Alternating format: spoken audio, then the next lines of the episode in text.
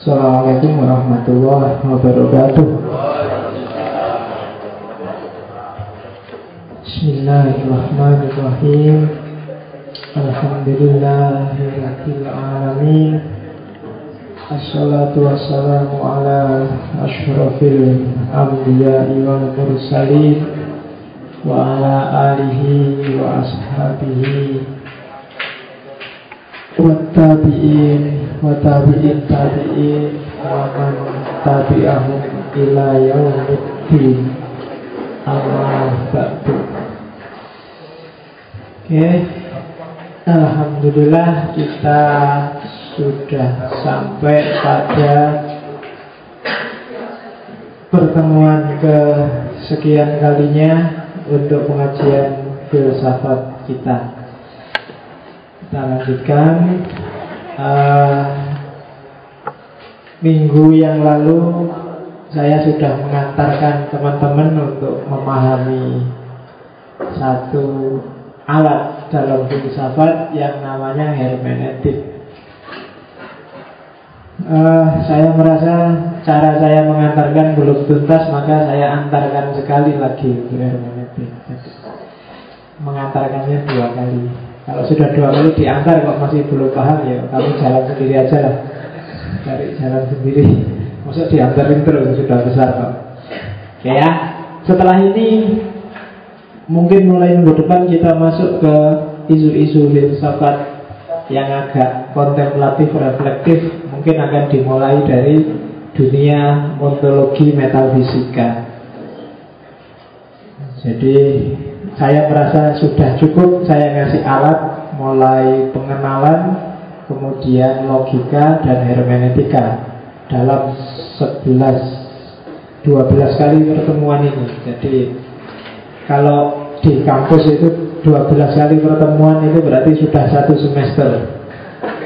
Iya, jadi saya antarin aja satu semester. Tak anggap sakti sekarang kamu sudah punya senjata, baru kita masuk ke ontologi metafisika. Mulai agak yang mikirin jelimet-jelimet dikit deh. Kalau ini masih agak nyantai lah, karena alat. Alat itu biasanya lebih mudah ditangkap.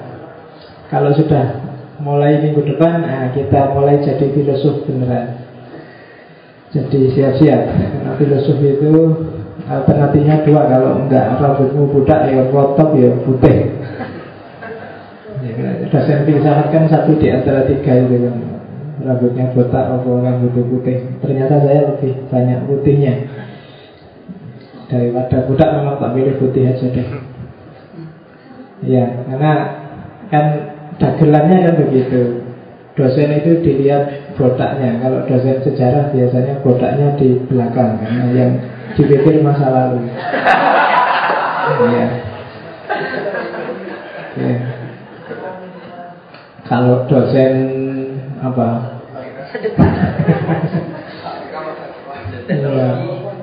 Dosen saintek, dosen anu itu bodaknya depan Yang dipikir masa depan.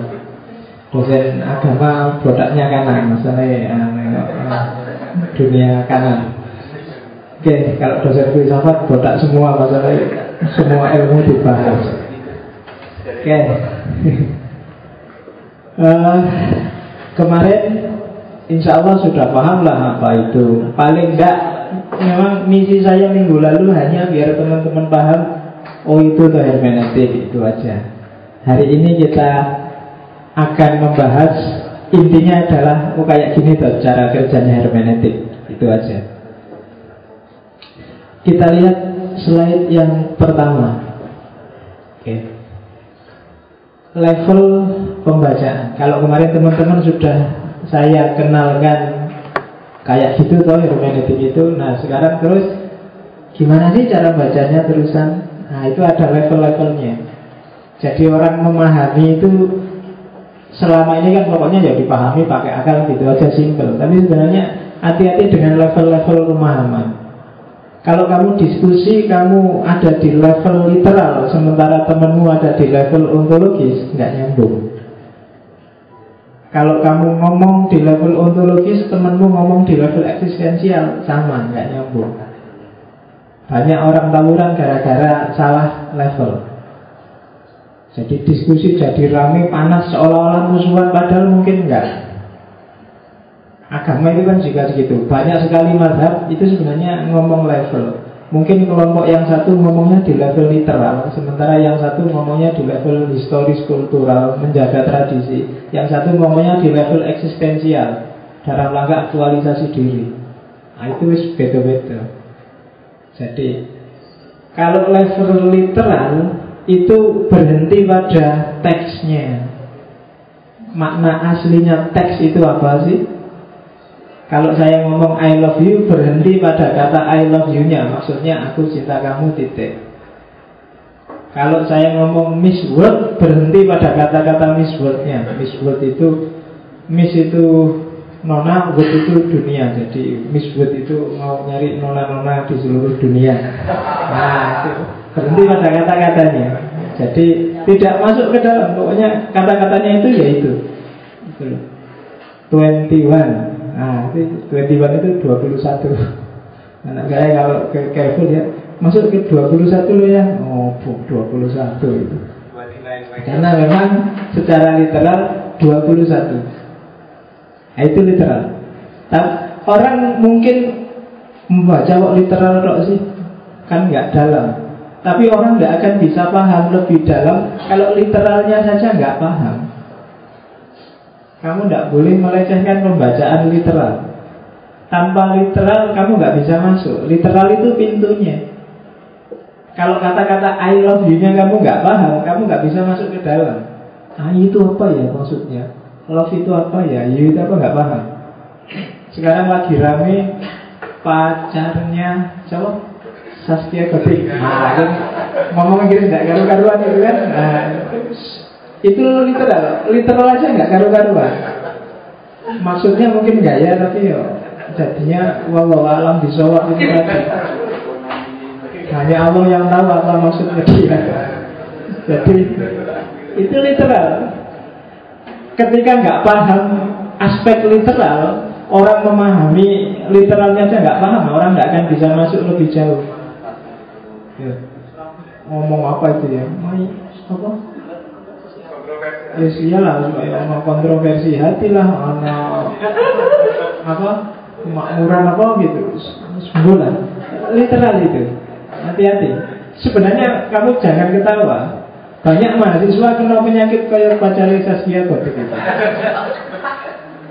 Kalau ngomong gua ya pakai istilah-istilah ilmiah padahal kalau ditakoni mungkin dia tidak paham. Yang dia omongin itu apa juga tidak paham kalau nggak percaya, coba kalau ada mahasiswa demo dan orasi, kamu bawa recorder itu rekaman.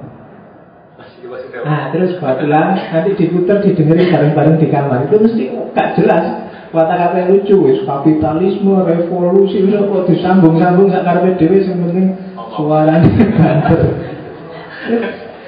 Iya, literal. Kalau literalnya nggak jelas, orang nggak bisa masuk ke dalam. Karena literal itu gerbangnya makna aslinya. Kamu boleh nggak setuju Al-Quran jangan dimaknai secara literal boleh, tapi tetap kamu masuknya harus lewat literalnya.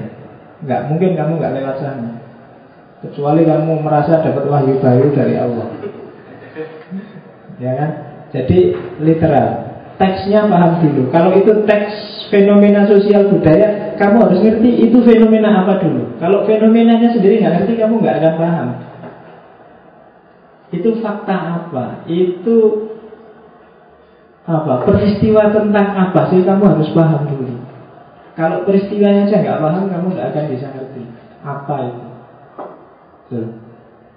Oke, itu literal. Banyaklah mungkin peristiwa sosial budaya yang bukan di lokalmu, mungkin kamu orang Jawa begitu ke luar Jawa ke Sumatera atau ke mana kan nanti banyak peristiwa sosial budaya yang kamu sendiri nggak paham apa sih itu Nah itu literal. Kamu kan ketika kami nggak ngerti apa itunya aja nggak paham kan komentar aja kamu nggak bisa.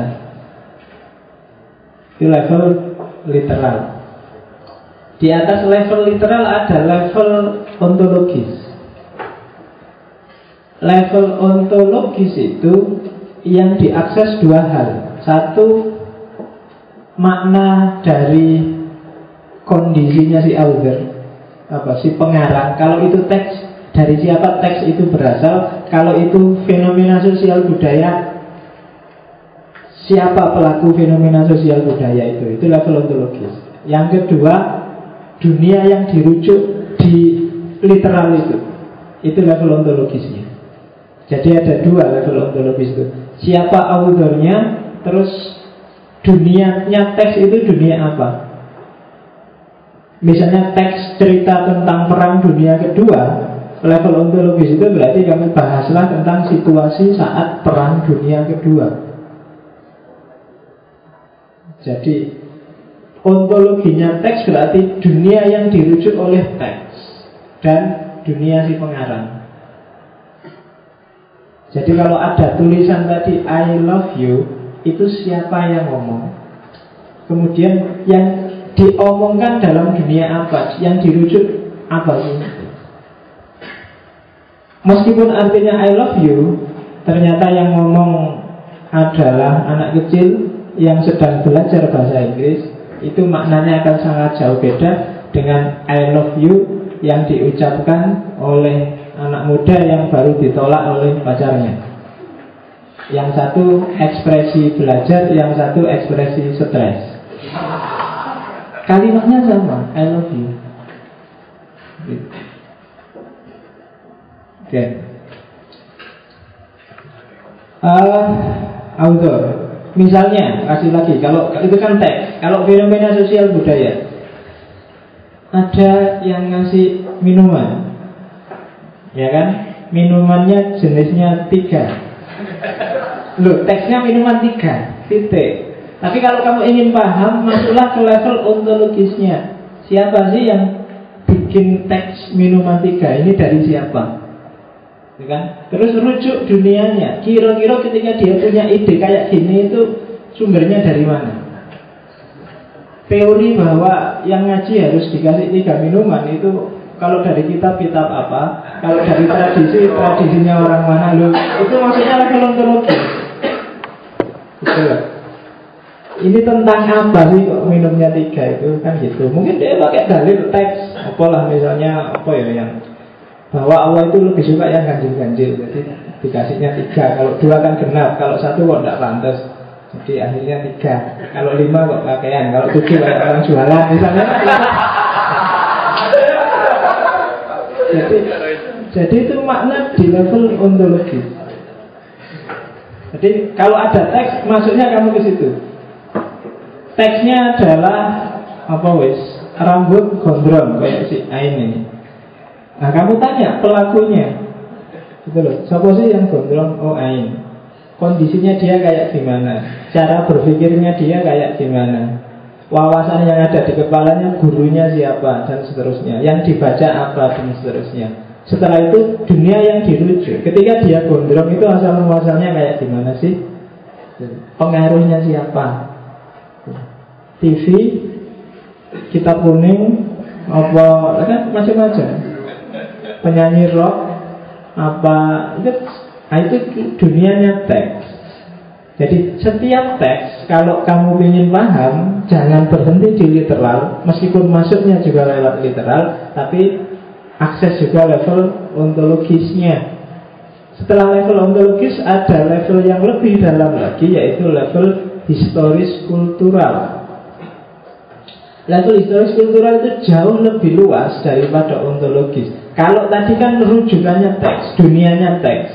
Ini lebih luas lagi yaitu dunia sosial, dunia budaya saat teks itu diproduksi. Itu harus dipahami juga. Itu historis kultural. Harus masuk ke sana juga. Kenapa? Karena Teh yang tiga ini Gondrongnya rambutnya si Ain Itu ikut logika zamannya pasti. Maknanya gondrong zaman sekarang Dengan gondrong tahun 60-an Zaman Omay Rama baru pegang gitar Itu jauh berbeda. Maknanya celana sobek-sobek Hari ini Dengan celana sobek-sobek zaman dulu Itu pasti beda. Itu logika zaman.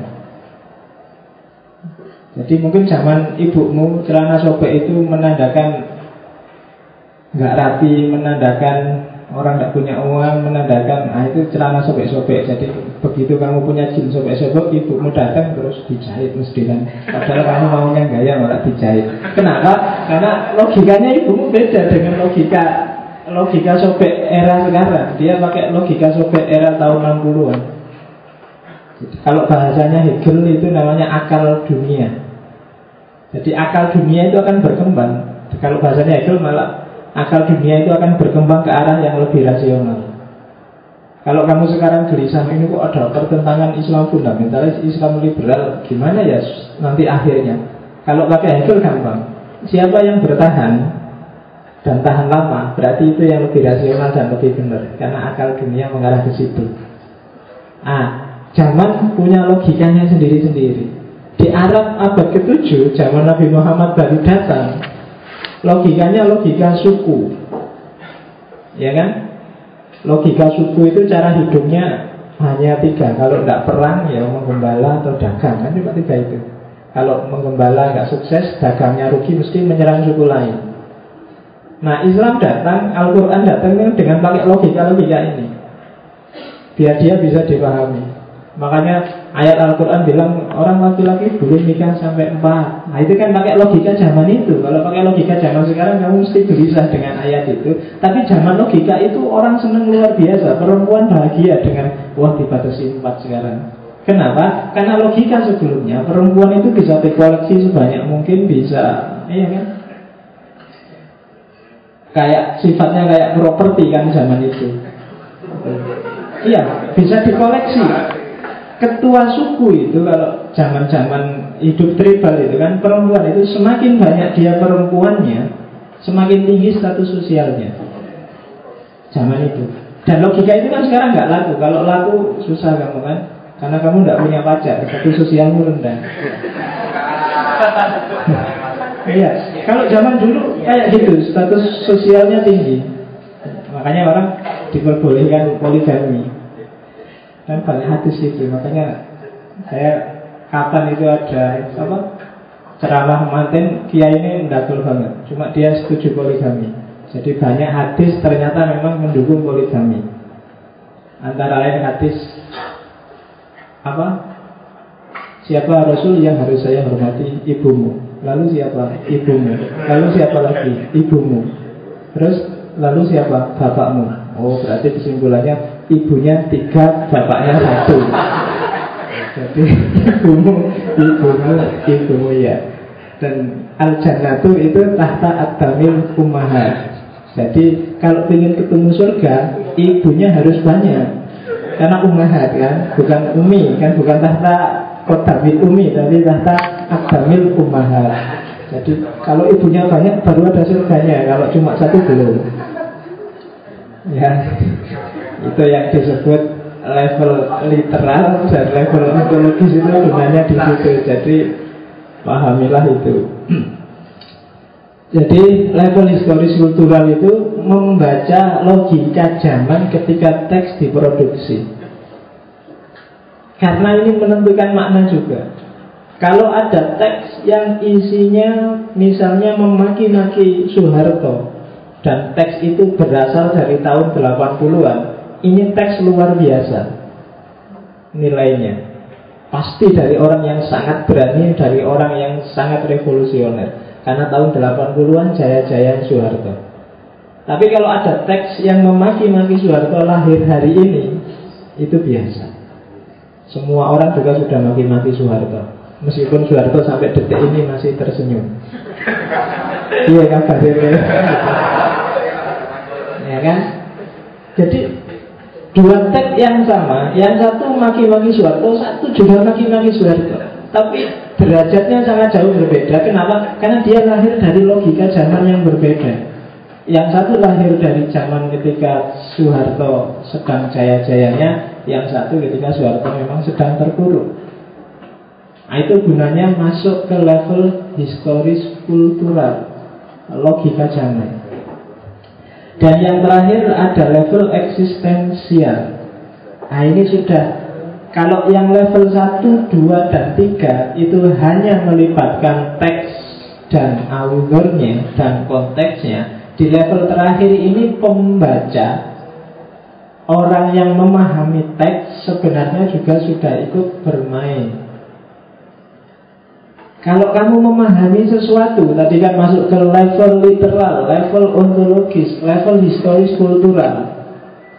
Itu kan caramu membaca. Tapi hasil bacaanmu setelah kamu masuk ke literal, ontologis, historis kultural, itu sebenarnya ada di level yang terakhir, level eksistensial. Level eksistensial itu ketika pembaca dan teksnya bercampur jadi satu. Kalau bahasanya Gadamer namanya fusion of horizon. Jadi campur. Kenapa campur? Karena hasil pembacaanku itu adalah dialog antara maknanya teks dari tiga level tadi dengan aku yang baca. Jadi meskipun tadi sudah literal, sudah ontologis, sudah historis kultural, Terus kamu tulis, oh berarti teks ini maksudnya ini. Tapi makna yang maksudnya ini itu kan dari pembaca. Gitu. Misalnya, tadi dikasih teh tiga, tak cek ini dari siapa sih? Oh dari takmir. Takmir itu secara ontologis dunianya kayak gimana sih? Oh dunia yang serba tradisional, serba apa misalnya. Terus historis kultural, era saat ini melihat takmir kayak gimana kan sudah semua. Oh berarti maunya dikasih minuman tiga ini A, B, C, D sudah jelas. Tapi kan ketika aku nafsir, tapi meskipun demikian menurut saya jangan tiga deh daripada mubadir. Kalau mau ngasih banyak, ya mendingan banyak sekian diplastiki nanti tak bawa pulang. Kan gitu. Nah, yang terakhir ini itu sudah versiku. Itu namanya level eksistensial. Ah, meskipun dari era sekarang dan teks itu nggak terlalu berharga karena semua orang juga sudah mencaci maki Soeharto, tapi menurutku memang dia perlu dicaci maki terus. Ah, itu eksistensial versi itu sudah. Itu namanya fusion of horizons. Ketika aku sudah dialog dengan teks level eksistensial. Setiap orang membaca asal itu bukan apalan untuk kepentingan tertentu, untuk mungkin untuk ujian, mungkin untuk apa, pasti akan melewati level eksistensial. Membaca apa pun orang biasanya komentar, memberi makna. Kamu lihat tadi pacarnya Saskia Gotik ngomong gak karu-karuan kan kamu juga komentar. Kamu lihat berita anaknya Dani tabrakan, itu kan setiap kepala bunyi masing-masing. Suka-suka kamu komentari komentar gratis. Nah, komentarmu itu kan eksistensial namanya, versimu menurut kamu. Itu namanya fusion of horizon. Teks teks. Sejarah teks juga kayak gitu. Tapi makna teks kalau bahasanya Abu Zaid, signifikasinya teks itu dari yang baca. Ayatnya sih, ya ayat itu Semua orang juga ngerti itu ayatnya Tapi ayat ini dipakai apa, itu kan membaca ya Kan sering saya contohkan misalnya ayat wajah alna itu syu'ubah wa qabaila li ta'arufu. Itu kan jelas ayat untuk pemahaman antar budaya, syu'ubah wa qabail. Tapi ayat ini terus kamu pakai secara eksistensial ayat untuk mendukung pacaran. Nah, itu kamu. Gitu Sementara kamu yang nggak punya pacar akhirnya kan wah masuk pacaran ada ayatnya tak cariin ayat yang nggak boleh pacaran. Terus kamu ketemu ayat wala taqrabuz zina. Nah itu kan ayat sebenarnya ayat cuma ngomong jangan deket-deket zina, nggak ada ayat wala pacaran wala takrobu nggak ada. Jangan dekati perempuan nggak ada. Yang nggak boleh kan jangan dekati zina. Tapi ayat wala takrobu zina itu terus kamu kasih signifikasi bahwa itu maksudnya orang dilarang pacaran. Nah itu level eksistensial. Boleh nggak sih pacaran itu? Kalau ada yang sudah punya pacar Iya. Filosof harus sadar dan tahu yang dilakukan. Jadi jangan sudah punya pacar tapi kamu nggak punya dalil. Kalau ditanya orang kamu punya pacar? Ya punya. Dalil ya kok ah, cari aja sendiri. Harus punya dalil. Karena sekarang orang hari ini kan cerewet dengan itu dalilnya apa diawur pak surat al-baqarah ayat 346 Bu, sinopo apa? Itu? Ya, cek. Ayat. Oke, itu level eksistensial karena saya ngisi-ngisi gitu biasanya mesti tanya pak pacaran boleh nggak? Hukumnya pacaran gimana? Ya tergantung lah jawabnya kan enak. Kalau dunia manusia itu kan jawab paling enak itu tergantung. Kadang sunnah kadang mubah kadang makro kadang haram. Mungkin kadang wajib juga nah iya loh wajib tergantung dengan gaya pacaran gimana dan kalau kamu tidak pacaran gimana ya saya mengerti kamu dapat penyakit Kata dokternya penyakit ini akan sembuh kalau kamu punya pacar. Oh. Nah, berarti wajib kamu cari pacar. Itu kan dalam rangka obat. Iya. Nah, kalau gitu gampang. Susahnya kalau pertanyaannya gimana Pak pacaran yang Islami? Sumpah lagi. Ya, pacaran yang Islami itu kalau mau pegang tangan Bismillah dulu. Bismillahirrahmanirrahim. Kalau selesai, Alhamdulillah. Oke. Okay. Pola umumnya tadi. Sekarang kita lihat pola khusus hermeneutik. Ya. Masuk ke jenis ilmu yang pertama. Kita masuk ke ilmu-ilmu jenis pengetahuan namanya Nature Wisdom Self ilmu kealaman IPA, fisika, biologi, kimia. Gimana cara memahami gimana hermeneutika ilmu-ilmu ini? Jenis pengetahuannya ini sebenarnya modifikasi dari pemikirannya Habermas. Cuma nanti ada bagian belakang yang tak modifikasi karena biar kamu tidak bingung. Dan nama Habermasnya nggak saya sebut karena biasanya begitu tak sebut nama dan istilah-istilah rumit itu kamu sudah keder duluan dan kadang-kadang terus kamu pakai kayak pacarnya Saskia Gotik itu dipakai gaya belakangan lah gayanya sekarang kita pahami aja pelan-pelan jenis ilmunya namanya ilmu empiris analistis Empiris itu karena dia faktual, bisa diakses oleh panca indramu, analistis, bisa dianalisis. Karena dia objeknya nyata. Mode pengetahuannya namanya L-Claren. L-Claren itu dijelaskan. Kamu tinggal menjelaskan. IPA, biologi, fisika itu kan kamu mengobservasi terus jelaskanlah. Orang nggak bisa mempengaruhi, nggak bisa mengakses.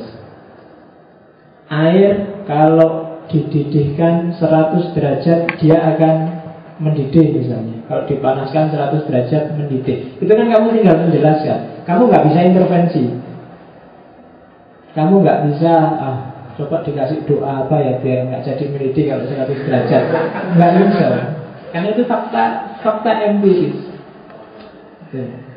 Jelaskan aja. Bahwa nanti maknanya bagi kamu secara subjektif apa monggo. Tapi secara empiris analitis dia objektif. Tinggal kamu jelaskan. Makanya sifatnya objektif. Jadi kalau ada orang tanya objektivitas itu ada nggak pak? Ada. Di level empiris analitis karena ada itu kan yang genit semua hal itu subjektif tergantung iya dalam ranah apa dulu tapi dalam ranah ini dalam ranah empiris, dunianya objektif. Tembok ini warnanya apa? Hijau. Kamu kan nggak berani. Enggak lah, itu tergantung perspektifnya. Kita lihat dari mana dulu. Nah, itu. Iyalah. Tapi kalau kamu mau jujur ini tetap hijau. Kecuali kamu buta warna. Objektif. Orang Amerika pun bilang hijau. Orang Yahudi akan bilang hijau. Orang apa yang paling kamu benci apa? Ahmadiyah akan bilang hijau. Orang apa lagi ya? Biasanya kamu Afrika pun akan bilang hijau. Ronaldo, Messi meskipun dia musuhan tetap ah Ronaldo bilang gitu enggak aku enggak hijau kan hijau. Objektif. Musuhmu bilang hijau, temanmu bilang hijau. Objektif universal. Jadi ada kan dunia empiris. Gedung ini tingginya berapa bisa diukur dan objektif bahwa terlalu tinggi apa tidak menurutmu? Menurut saya terlalu tinggi gedung ini, yang lain nggak terlalu. Itu kan itu baru subjektif. Tapi gedung ini tingginya berapa? Kalau saya bilang ini sekitar 20 dua meteran lebih dikit lah. Nah itu objektif. Orang Amerika juga bilang objektif. Orang kafir yang masuk neraka juga akan bilang dua meter lebih dikit. Kan gitu. Oke, untuk hal yang objektif orang sepakat. Kenapa? Karena manusia tidak bisa anu, intervensi. Setiap orang tinggal menjelaskan, menjelaskan aja. Nah, meskipun demikian ketika orang belajar dunia ilmu kealaman, dia punya kepentingan juga. Kenapa sih ilmu ini kamu pelajari? Yo, karena kita butuh alam, kita hidup di alam. Maka kita belajar ilmu ini untuk kepentingan teknis. Misalnya, kenapa kamu belajar ilmu tentang cuaca, tentang hujan? Ya biar paham tentang cuaca. Kalau sudah paham gimana? Kita atur teknik untuk menyikapi. Oh, kalau bulan-bulan kayak gini ini waktunya hujan, sudah waktunya beli jas hujan nih. Yang petani, oh ini sudah bulan-bulan panas ini, waktunya nanam padi nanti aja sekarang nggak usah nanam padi. Kan ini teknis. Kalau warna hijau itu agak nyolok di mata, gimana ya dikasih hijau nggak ya? Kalau nggak apa-apa hijau daripada putih misalnya. Itu kepentingan teknis. Orang belajar dunia objektif itu biasanya ada kepentingannya, kepentingan teknis. Jadi ini untuk menunjukkan bahwa meskipun ilmunya objektif, tapi kepentingan mempelajari ilmu itu tergantung manusianya. Tuh. Ilmunya fisika, biologi, kimia, dan seterusnya. Manusia juga di level fisik itu juga sifatnya objektif. Misalnya, kalau kamu dipukul pasti sakit dan benjol. Nah, itu objektif. Kalau kamu enggak pak, enggak sakit, nah, itu kan karena kamu sudah latihan, mungkin karena kamu sudah fitness tiap hari, jadi karena dari yang mukul saya, ya mesti nggak sakit. Tapi si mukul Tyson ya kamu langsung takut. Karena apa? Secara natural memang seperti itu. Manusia itu kan makhluk hidup, karena makhluk makhluk hidup selama makhluk hidup itu kalau benturan malah kalau barang mati itu kalau dibenturkan biasanya teposnya ke belakang. Jadi kalau barang hidup dibenturkan teposnya ke depan. Mendul kalau kamu benturan jus mesti mendul. Apalagi yang lain. Oke. Okay. Ada dunia objektif. Ah, ini untuk kamu ingat-ingat. Jadi besok kalau ada orang tanya objektivitas itu ada enggak? Ada, no? ya kan? Satu tambah satu dua Itu kan objektif Ah tergantung pak Itu bisa tiga, bisa empat, bisa lima ya, Kalau ada yang gitu ya enggak apa-apa Kamu tinggal jawab Serah sing waras ngalah Karena memang secara objektif ya dua Satu tambah satu Kamu mau ngeyel kayak apa ya dua ya. Ilmunya fisika, biologi, kimia DLL Cari sendiri DLL itu. Oke Masuk ke ilmu yang kedua. Nah ini baru subjektif sifatnya. Geisteswissenschaft Ilmu-ilmu kemanusiaan Humaniora Jenisnya historis hermeneutis Sifatnya menyejarah Karena tentang manusia Kalau tadi cukup dijelaskan aja Manusia berjarak dari objeknya kalau ini tidak bisa, dijelaskan aja tidak bisa. Dia harus dipahami. First stadium agama itu harus dipahami, tidak bisa dijelaskan aja. Dia harus dimasukkan, dia harus dihayati. Sifatnya subjektif. Kamu akan paham gimana nikmatnya sholat kalau kamu sholat.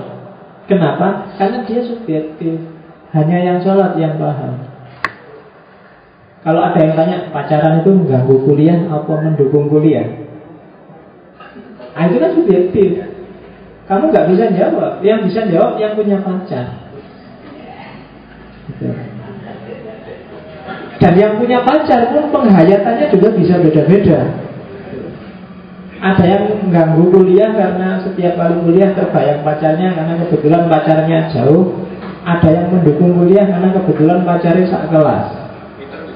Jadi rajin biar tiap hari ketemu pacarnya. Yang satu sangat mendukung Pak pacaran itu Pak. Alhamdulillah dengan pacaran nilai saya jadi bagus karena kalau ujian dikasih contekan sama pacarnya. Yang satu pun saya terganggu sekali kok dengan pacar itu. Ah, karena pacar saya di luar saya takut digodain orang. Ah, itu subjektif. Oke. Okay. Ya kenapa takut? Karena ya salah dewi cari pacar kok yang cakep-cakep. Cari pacar itu jangan terlalu cakep. Bikin kamu sumpah. Pengen tenang itu. Jadi yang biasa-biasa aja lah. Yang kalau ditinggal kamu nggak nangis. Ya kan? Iya lah. Kamu nyarinya yang unggulan terus. Biasa-biasa aja. Jangan cari yang terlalu capek. Bikin susah. Kamu, makanya pertanyaannya, kamu ingin hidup tenang apa enggak? Kalau ingin hidup tenang, jangan cari Iya. Karena memang kecantikan itu tidak abadi. Kalau kejelekan iya. Jadi jangan percaya. Kalau orang cakep, percayalah nanti umur umur 60 70 sudah nggak cakep lagi. Tapi kalau orang, orang jelek enggak. Sekarang jelek bisa umur 80. Jadi carilah yang konsisten, yang bisa dipercaya. Jangan cari yang menipu. Jadi ya, cari yang awet, jadi enak. Jangan cari yang berubah-ubah. Oke, jadi ini ilmu-ilmu subjektif, ilmu humaniora. Makanya jenis ilmunya psikologi, antropologi, filsafat. Filsafat itu ilmu subjektif. Nyari kebenaran objektifnya itu susahnya luar biasa. Meskipun ada aliran namanya behaviorisme dalam psikologi, dalam antropologi yang bilang mekanis bahwa dunia manusia yang human itu sifatnya juga eksak. Meskipun sekarang behaviorisme ya dikritik habis-habisan. Karena manusia nggak bisa eksak. Nggak ada jaminan kalau uangnya banyak mesti senang. Nggak ada jaminan kalau orang kota mesti individualis. Nggak ada jaminan kalau orang desa mesti gotong royong. Teori-teori sosial, teori-teori jiwa manusia itu kan nggak pasti. Sampai sekarang masih misteri. Makanya sifatnya subjektif. Antropologi juga begitu. Budaya. Meskipun kalau yang behaviorisme kan semuanya dianggap mekanis. Budaya pun dianggap mekanis kan ini budaya maju, ini budaya mundur. Nah itu dunia subjektif yang dianggap objektif. Bahkan sekarang kan kayak perilaku-perilaku manusia jatuh cinta, patah hati itu kan dianalisis kira-kira unsur kimia apa yang mempengaruhi. Kan gitu. Kalau orang pinter itu berarti DNA-nya berapa, pengaruh gen ini berapa, pengaruh gen itu berapa kan gitu. Bahkan dikembangkan teknologi cloning. Wah, nanti cloningnya Einstein, cloningnya. Sekarang ada. Yang sudah sukses kan pakai kambing. Kalau kalau kambing gampang, karena kambing tidak mikir. Ya kan, memfotokopi fisik itu gampang. Yang susah kan memfotokopi jiwanya. Kamu mengkloning Einstein, apa bisa menjamin besok lahir Einstein seperti itu? Kamu mengkloning sekolah gitu SBY mungkin bikin yang tinggi besar kayak SBY bisa difotokopi tapi yang santainya dan lelenya kayak SBY Iya, jadi tidak gampang itu, itu banyak faktor sejarah yang mempengaruhi. Tidak apa-apa. Kemarin ada pertanyaan, kenapa sih di kantor-kantor biar ada acara-acara penting kok selalu ada fotonya SBY? Ternyata jawabannya ya karena SBY nggak bisa hadir langsung, jadi fotonya yang ditaruh SBY-nya. Kalau SBY-nya bisa datang nggak perlu fotonya. Oke, jadi ya kan bahkan yang iyalah kamu mau fotokopi fisik itu gampang kok bikin anak juga cepet tapi yang susah kan tidak nih kalau manusia lamanya nunggunya 9 bulan 10 hari. Tapi fotokopi jiwa apa bisa?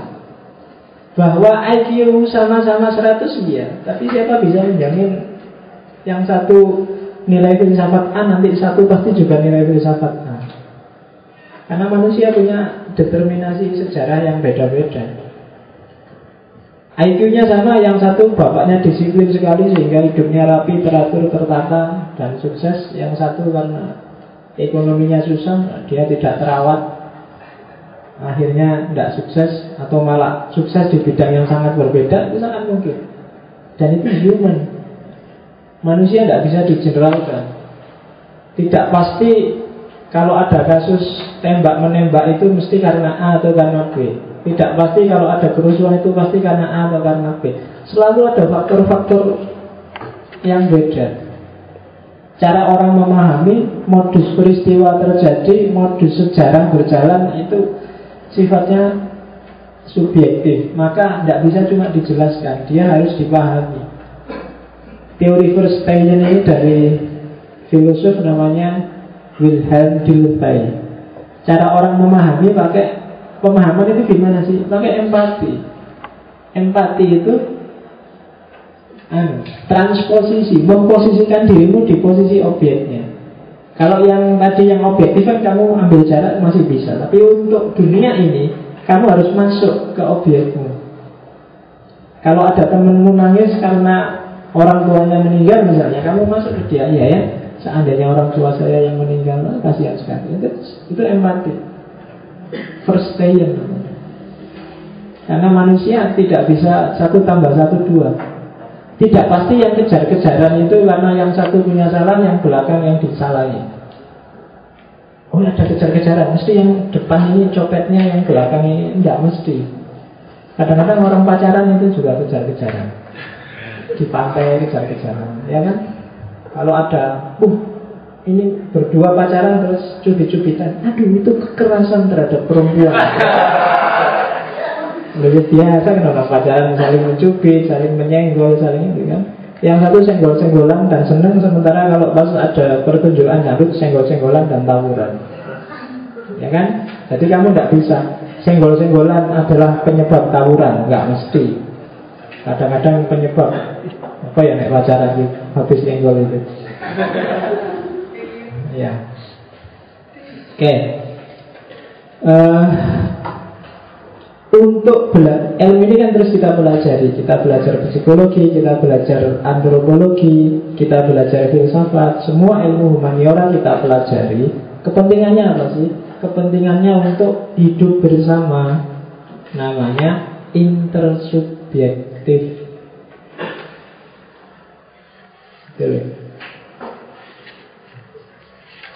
saya sedang sakit gigi.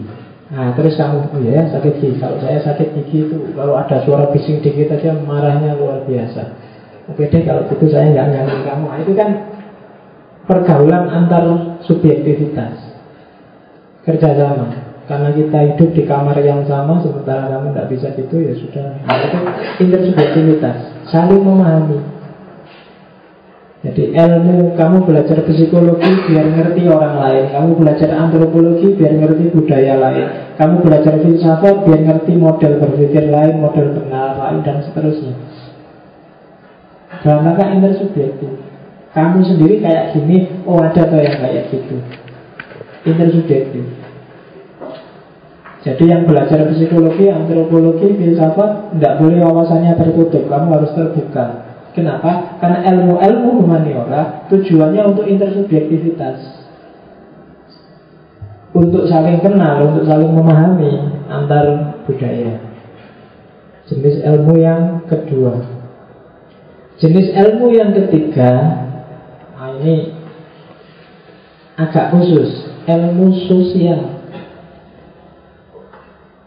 Dunia sosial itu sebenarnya gabungan antara dunia yang subjektif.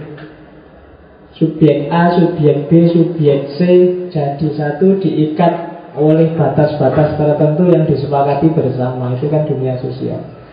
Kelas kita hari ini itu kan realitas sosial Dunia sosial. Hubungan saya denganmu itu kan namanya dunia sosial RT, RW, takmir masjid dan jamaahnya, kampus dan mahasiswa antara mahasiswa dan dosennya itu hubungan sosial.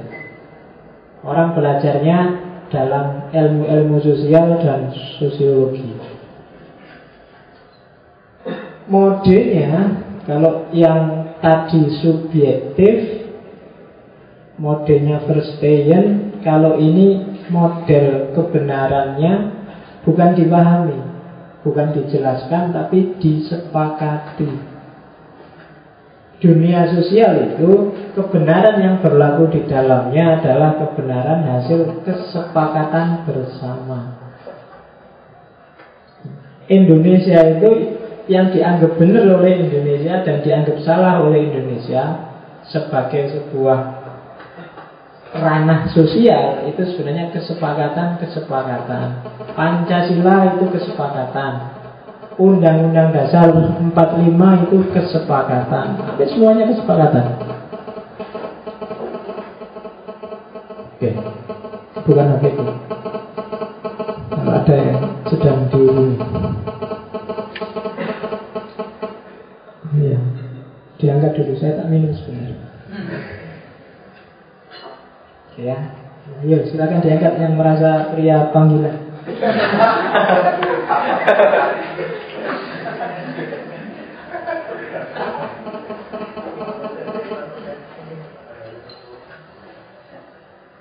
Oke. Jadi sampai nanti mau sampai Indonesia. Enggak cuma Indonesia, di Takmir ini kan juga kesepakatan kan? Gitu. Di luar juga punya kesepakatan sendiri. Misalnya kita sepak, kita sepakati ya besok kalau ngaji kita tidak pakai baju semua ya. Secara objektif salah karena kamu akan kedinginan semua. Secara subjektif enak enggak? Enggak enak kalau cowok semua. itu secara subjektif. Ya, subjektif loh. Kamu jangan marah orang subjektif loh. Nah, tapi kalau sudah kamu sepakati, ya Pak, setuju. Oke, semua setuju. Mufakat sih. Dia akan jadi aturan yang berlaku. Malah kalau minggu depan ada yang nggak pakai, eh ada yang pakai baju atau lagi pakai jaket, dia salah. Kenapa? Menyalahi kesepakatan. Demokrasi itu seperti itu. Kalau orang sa Indonesia sepakat bahwa yang namanya narkoba itu boleh, jadilah dia boleh. Ya meskipun susah membayangkan seperti itu, tapi cara bekerjanya seperti itu. Dan dunia sosial memang seperti itu. Maka kamu jangan gelisah, oh, ada yang memperjuangkan khilafah, ada yang memperjuangkan negara Islam, ada yang macam-macam. Nanti kalau itu akan sukses kalau bisa mencapai derajat konvensi di Indonesia. Kalau enggak ya tetap akan seperti itu. Kalau kamu kalau lebih banyak orang yang setuju, mungkin separuh lebih itu bisa memang jadi besok jadi khilafah, jadi negara Islam. Kenapa? Karena memang modus operandinya dunia sosial itu tergantung konvensinya. Tapi semakin banyak orang nggak setuju ya itu perjuangannya masih panjang dan lama. Kecuali pakai jalur kekerasan represif itu lain cerita. Dan biasanya nggak akan langgeng konvensi. Dunia sosial paling kecil itu ya dua orang itu sudah cukup disebut dunia sosial. Kamu misalnya kos sekamar berdua itu sudah dunia sosial sendiri kan. Kalian harus bikin konvensi-konvensi kan, meskipun cuma berdua. Kita sepakati ya, nggak boleh ngerokok di kamar. Nah, itu konvensi. Kan kadang-kadang susah kan Yang satu saya kalau tidur Awas saya nggak bisa lampunya nyala Kalau lampu nyala aku nggak bisa tidur Harus dimatikan Yang satu Kebalikannya kalau saya lampunya mati Nah itu Jadi bingung kan? Nah, Itu harus disepakati Gimana nih aturannya biar kita sama-sama bisa tidur. Oh kita berdua tidur di luar aja nggak usah di kamar? Bukan tidak Itu dunia sosial. Kalau nggak nggak bisa disepakati nggak bisa beda aku nggak usah di sini keluar. Kalau nggak sepakat dengan Indonesia yang undang-undang 45 yang itu ya udah keluar Modusnya dunia sosial seperti itu. Kalau kamu nggak sepakat dan tetap ada di dalam, kamu akan jadi pesakitan terus. Kamu akan jadi orang yang disalah-salahkan terus. Kenapa? Karena memang kamu mungkin tidak bilang untuk dunia sosial itu. Tak tambahi bahasa Inggris sedikit biar kayak pacar Saskia. jadi ya, jadi ada dunia konvensi bikin kesepakatan-kesepakatan. Kadang-kadang barang jelek kalau disepakati, iya, bukan bisa jadi baik. Itulah yang akan jalan. Ya jeleknya itu tetap jelek, tapi karena itu yang disepakati, ya itu harus jalan. Mungkin sebaiknya kita sepakati aja Misalnya ngaji kita ini berakhir jam 1 pagi ya Sambil nunggu sepak bola misalnya Nah itu kelihatannya, wah itu memaksakan diri Pak Saya tidak kuat pak, tidak apa-apa. Kalau nggak kuat ya nggak usah ikut. Kita sepakat ya, tapi yang sepakat. Jadi yang merasa tidak kuat jangan datang. Itu dunia sosial. Yang merasa tidak ikut konvensi dan tidak cocok dengan konvensi keluar aja dari ranah sosial itu. Kenapa? Ya karena memang konvensi sifatnya kan intersubjektif. Dan ukuran kebenarannya konvensi bukan mana yang sesuai dalil dan mana yang tidak, tapi siapa lebih banyak pengikutnya, lebih banyak mana jumlah yang sepakat. Dari 30-an ini yang 5 setuju minggu depan kosong, yang 25 nggak setuju. Maka derajat konvensinya lebih valid yang 25. Itu dunia sosial. Dan kita belajar ilmu ini, kenapa sih kok kita belajar konvensi, belajar macam-macam? Ada kepentingan apa sih? Untuk emansipasi.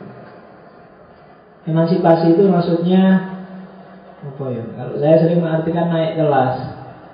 Kadang-kadang masyarakat ya kayak kamu tadi menyepakati sesuatu yang tidak pasti baik, tidak pasti benar. Nah, maka pelajarilah konvensi-konvensi sosial itu dalam rangka emansipasi. Oh, ada yang salah, ada yang keliru, ada yang tidak pas. Tawarkanlah alternatif konvensi yang baru. Itu gunanya kamu belajar ilmu sosial. Cara memahami dunia sosial harus seperti itu Biar kamu tidak gampang ngamuan Jadi ada prosedurnya Orang sekarang kan sidik-sidik ngamuk Dikit-dikit ngamuk Undang-undang dasar 45 disepakati bertahun-tahun sekarang kan ganti sudah. Saya tidak tahu undang-undang terakhir tahun berapa direvisi? 2000 ya. Ya. Kalau saya menurut saya masih banyak redaksi-redaksi yang harus dibereskan di undang-undang kayak fakir miskin dan anak yatim dipelihara oleh negara. Ya kan? Karena itu konotasinya bisa berbeda. Karena dipelihara itulah maka sekarang masih banyak. Harusnya bukan dipelihara tapi diberantas Nah kalau dipelihara kan kalau kamu melihara ayam kan kamu biarin yang penting tambahan kan gitu. Jangan dipelihara. Kayak orang males kok dipelihara kan dipelihara itu berarti kan dibiarin biar lama gitu kan. Jadi fakir miskin dan anak yatim jangan dipelihara oleh negara harus diberantas oleh negara. Malah dipelihara oleh negara kan susah. Karena kan gitu, sekarang teorinya kan kemiskinan di Indonesia ini kan sudah menurun hasil survei terakhir, menurun ke anak cucunya. saya melarat, enggak sih melarat, jadi menurun anak cucunya ikut melarat semua.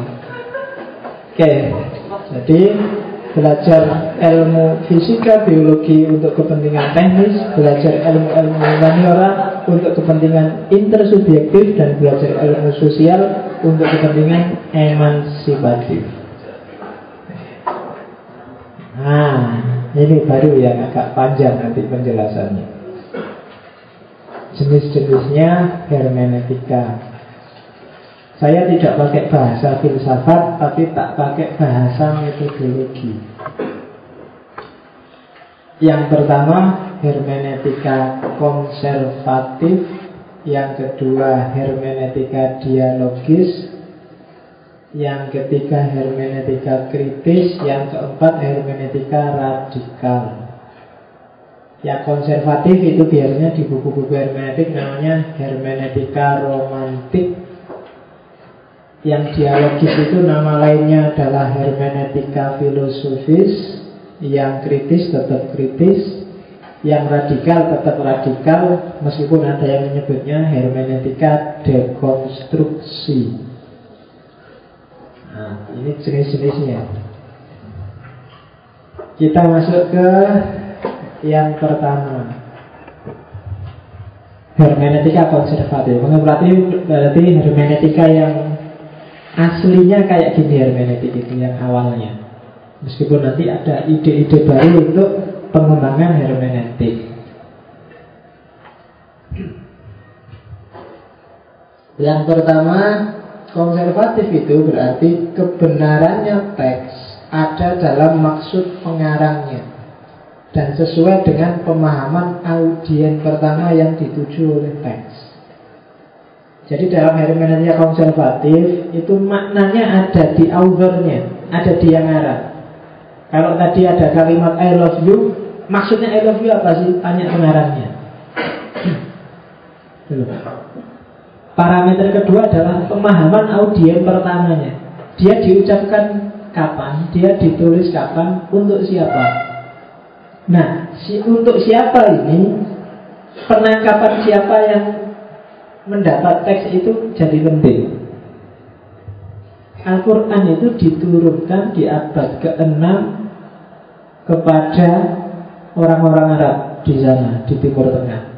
Nah, maka untuk paham apa sih maknanya antara lain adalah coba cek dulu para sahabat orang Arab yang mendapatkan ayat, yang mendapatkan Quran, memahaminya seperti apa. Itu membantu memahami. Kenapa? Karena maknanya ada di situ. Itu yang bikin beberapa mufasir bilang ya pendapatnya sahabat itu tafsir yang tidak boleh dibantah karena dia yang paling ngerti apa maksudnya ayat. Dia audiens pertama. Ayat diturunkan tidak mempertimbangkan zaman kita hari ini, tapi yang dipertimbangkan Arab zaman itu. Jadi logikanya pakai logika audiens pertama. Kalau di kelas saya sering mencontohkan surga, neraka, gitu kan. bidadari itu kan bayangan bidadarinya kan baunya kalau di Quran sangat Arab sekali. Kalau kamu baca kitab-kitab kuning kan baunya juga sangat Arab. Jadi seolah-olah bidadari itu bayanganmu kayak perempuan cantik tapi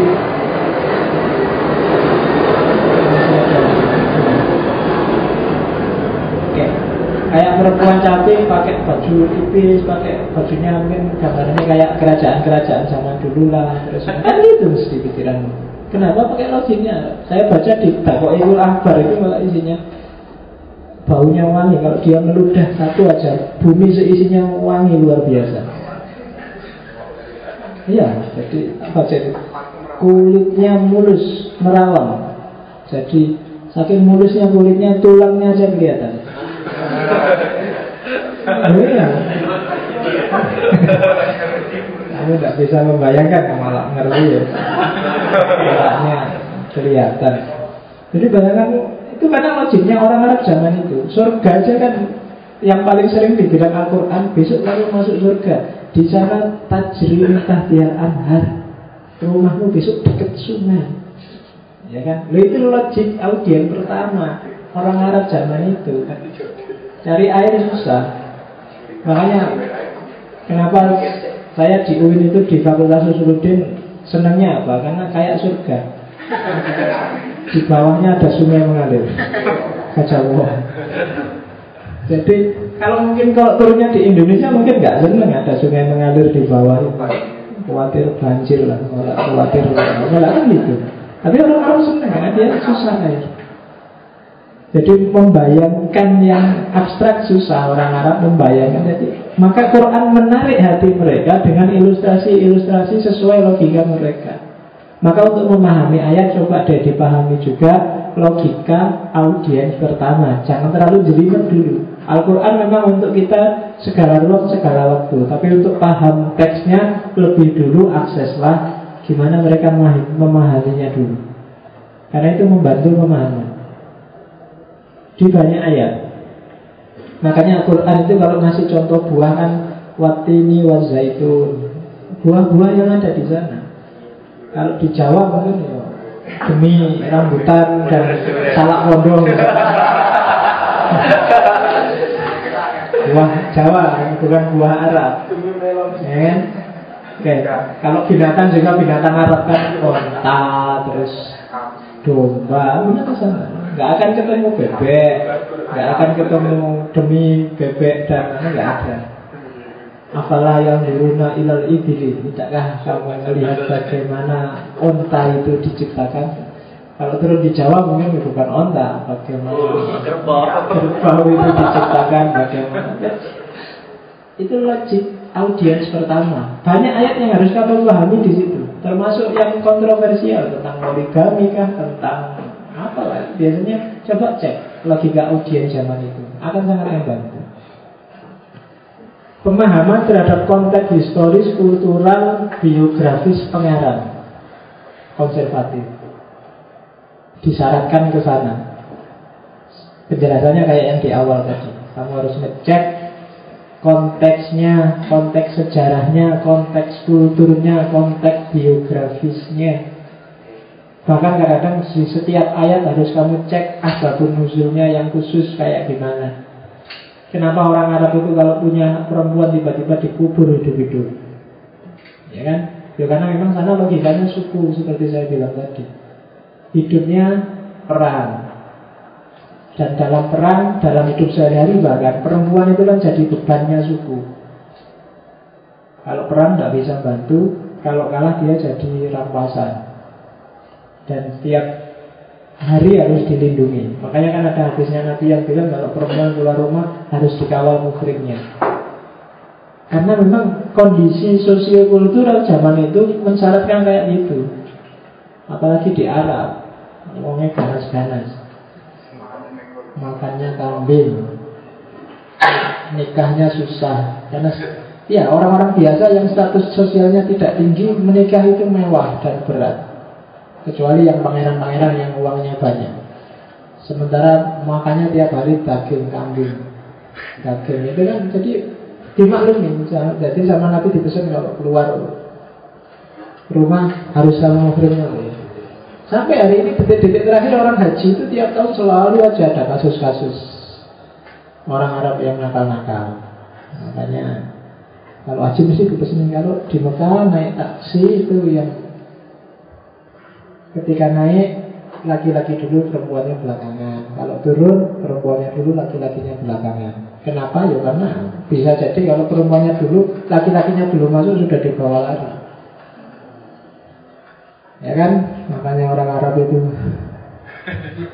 Kan di sini banyak. Di Bogor itu banyak kan orang Yang melakukan nikah mut'ah. Meskipun secara logika harusnya orang Wahabi itu sangat anti mut'ah yang membolehkan nikah mut'ah itu kan orang Syiah Tapi mereka peduli amat. Yang penting bisa kayak gitu dan halal. Ya kan? Cara berpikirnya kan begitu. Oke, jadi konteks historis ya coba dibaca yang gitu-gitu.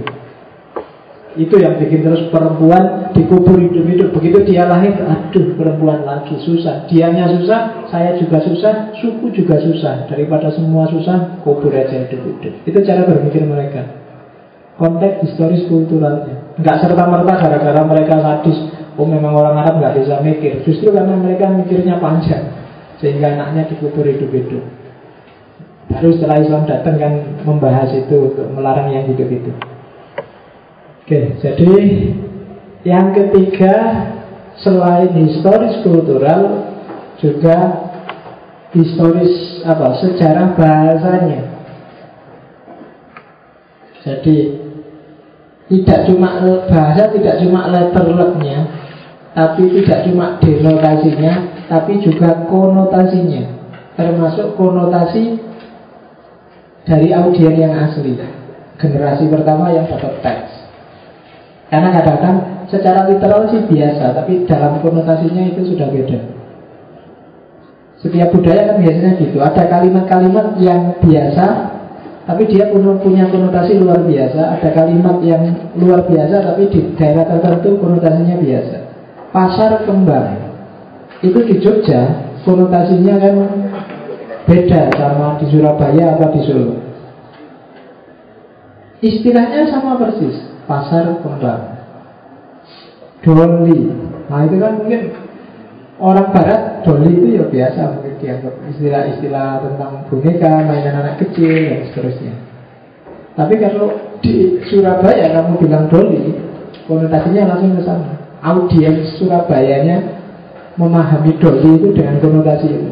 Kamu bilang sarkem di rumahmu mungkin di kampung di Surabaya, di Semarang, di Anu, sarkem itu konotasinya datar aja ya pasar kembang, tempatnya orang jualan kembang. Tapi kalau di Jogja sarkem itu hmm, ya kayak gitu jadi kalau kamu ditelepon bapakmu iya kabar ini ini baru studi banding pak di mana di pasar kembang nah itu kan bapakmu oh alhamdulillah kamu berarti iya. Kenapa bapakmu tidak ngerti? Dia tidak ngerti konotasinya. Gitu. Malam-malam kok di sana kamu ngapain nih? Mau beli kembang, mau ziarah kok? Mesti gitu. Karena bapakmu nggak paham konotasinya. Maka bahasa jangan dihentikan di bahasa. Kamu harus lihat bagaimana pemakaian katanya dan bagaimana audiens pertama memahami bahasa itu. Surabaya itu kalau sekitar seperempat jam nggak ngomong D A N C U K itu, itu gatel mulutnya. Ya kan? Kenapa? Dan konotasinya kalau bagi kamu konotasinya saru tidak sopan, tapi di Surabaya biasa. Begitu ketemu teman, eh, dia kabari, ah itu itu suwe gak ketemu. Oh, repain sih gitu orang Surabaya kan. Ya tiap hari begitu. Kalau pulang itu saya ngomongnya kayak gini, tapi di rumah dianggap paling halus. Padahal ngomong tidak karu-karuan. Karena di sana lebih dahsyat lagi, lebih terang-terangan, lebih ya Kadang-kadang pingin kayak gitu Karena di Jogja itu orangnya sopan-sopan Baik-baik. Kalau di sana aduh. Ya kan seneng ya meso Susah ya meso Ekspresi apa aja Bahkan Dapat hidayah kalau aku kan Alhamdulillah Allah ngasih anugerah. Kalau sana enggak Beda lagi.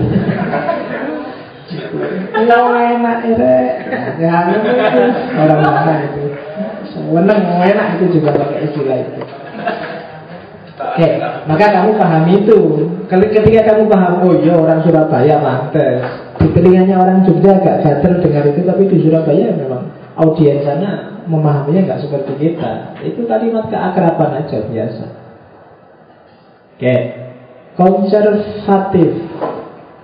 Kenapa sih kok kemudian tadi disuruh lihat konteksnya, disuruh lihat pemakaian kosakata disuruh lihat audien pertama karena hermeneutika konservatif menganggap bahwa pemahaman itu harusnya objektif. Nggak boleh subjek yang memahami ikut-ikut intervensi. Biarkan teks ngomong tentang dirinya secara objektif. Jadi kalau kamu baca bukuku misalnya itu kamu jangan komentar dulu kamu pahami dulu makna teks yang ada di buku itu. Siapa yang nulis, kapan ditulis, apa maksudnya Dan seterusnya. Jadi Subjektivitasmu harus ditekan sebanyak mungkin Biar kamu ketemu maknanya yang objektif. Kalau dalam Al-Quran ya Kamu jangan menakwil dulu Tafsirkan dulu yang pas setelah ketemu tafsirnya baru kamu takwil. Jangan ujuk-ujuk ditakwil. Jangan tiba-tiba subjektif. Kamu harus tahu makna objektifnya dulu. Kenapa? Ketika kamu tidak tahu mana objektifnya, ketika ayat apa, ketika teks itu kamu pakai sesuai subjektivitasmu, bisa jadi nggak pas dan nggak nyambung. Zaman saya kecil dulu waktu tahun 80-an pemilu itu partainya cuma ada tiga P3, Golkar, PDI saya masih ingat diajak mbahku kampanye P3 Kiainya, karena yang kampanye kiai. Pakai ayat Kul Wallahu Ahad. Sambil, meskipun dia nggak ngomong bahwa Allah itu P3 Tapi dia Sambil kampanye tangannya Kul Wallahu Ahad. Karena satu P3 semua ikut gini. Hidup P3 Itu apa? Memaknai teks secara subjektif tanpa peduli makna objektifnya. Itu kan ayat ngomong tauhid keesaan Allah, tapi dimanipulasi bahwa karena Ahad itu satu, Allah itu Ahad, dan P3 nomor satu berarti P3 adalah partai yang diridhoi oleh Allah zaman itu. Cara dia memaknai ayat secara subjektif. Kalau Golkar biasanya pakai hadis itu ana wa yatim hakada fil jannah. Nabi kan bilang gitu. Saya dan orang-orang yang mau menanggung anak yatim itu nanti seperti ini di surga. Maksudnya Nabi dekat. Cuma kan sama orang Golkar kan seperti ini di surga. Jadi Nabi aja dua Golkar. Maka jadi pakai dua. Jawaban dulu lucu-lucunya gitu. Itu kenapa? Itu berarti apa? Makna objektifnya dibuang langsung menuju ke makna yang subjektif. Oke. Makna objektif itulah maknanya teks dan makna subjektif itu sifatnya dari interpreter, namanya signifikasi. Signifikasi itu mungkin tidak terlalu pas, tapi itulah yang sesuai untuk si reader. Dan ini sebelum menuju signifikasi harus masuk dulu ke makna objektifnya. Jangan ujung-ujung signifikasi, karena bisa nggak pas. HP ini alat komunikasi makna objektifnya. Mungkin bisa tak bisa signifikasi yang berbeda. Mungkin ini Oh ini yang nggak cuma alat komunikasi, ini juga alat musik. Tak ketuk, tuk, tuk, tuk, tuk. Bisa tak memang bisa, cuma menyimpang dari mana objektifnya terlalu jauh. Kamu nggak bisa bilang bahwa HP adalah alat musik. Kenapa terlalu jauh? Meskipun mungkin saja toh menimbulkan bunyi. Atau karena kamu ngantuk tak lempar pakai HP. HP adalah alat lempar mahasiswa yang ngantuk. Kan kamu nggak bisa mendefinisikan seperti itu. Kenapa? Terlalu jauh dari makna objektifnya. Maka memahami sesuatu lewatlah makna objektifnya dulu. Gondrong adalah simbol dari revolusi misalnya. Kamu kan gitu.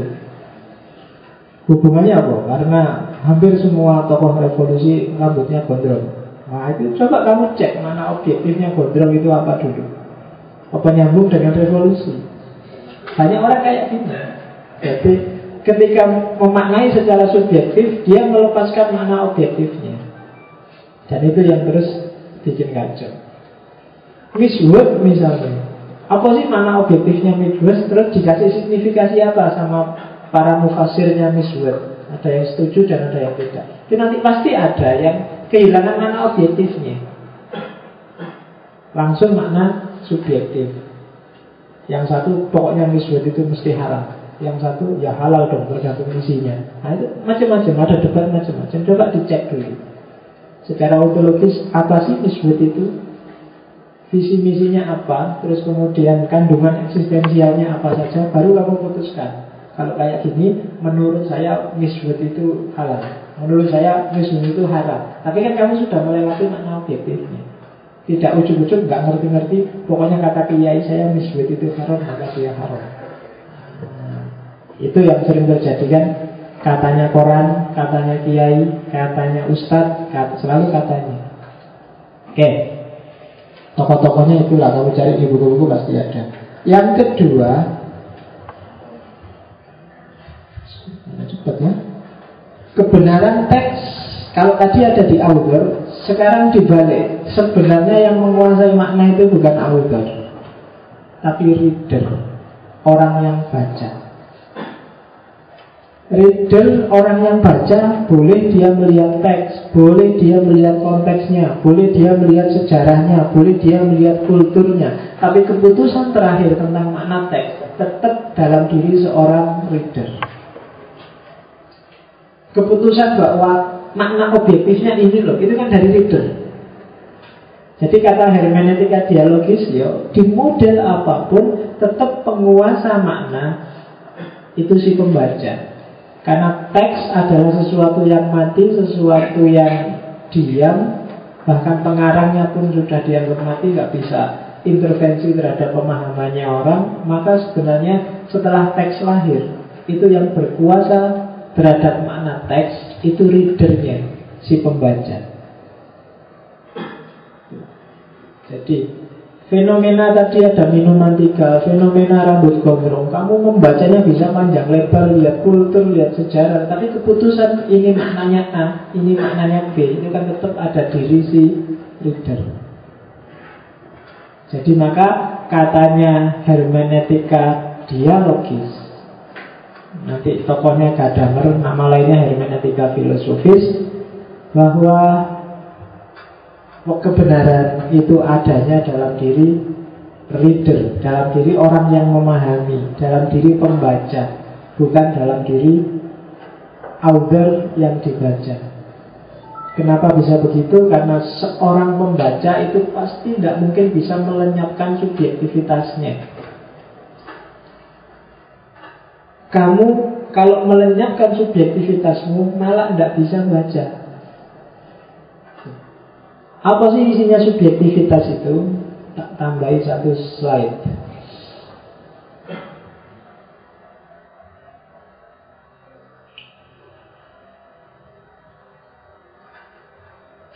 Ini teorinya Heidegger yang dipakai oleh Gadamer. Nah, kamu apalin nama-namanya siapa tahu ada gunanya.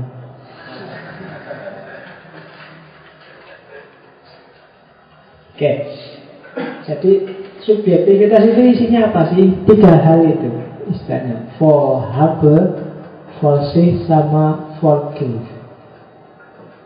For habe itu bahasa Inggris namanya for have apa yang kamu miliki, apa yang ada di kepalamu. Itu fohabu. Kalau kamu buang yang ada di kepalamu, kamu malah nggak bisa baca. Kamu punya teori, kamu punya konsep, kamu punya wawasan, itu kan sudah ada di kepalamu semua. Dan dengan itulah kamu memahami sesuatu.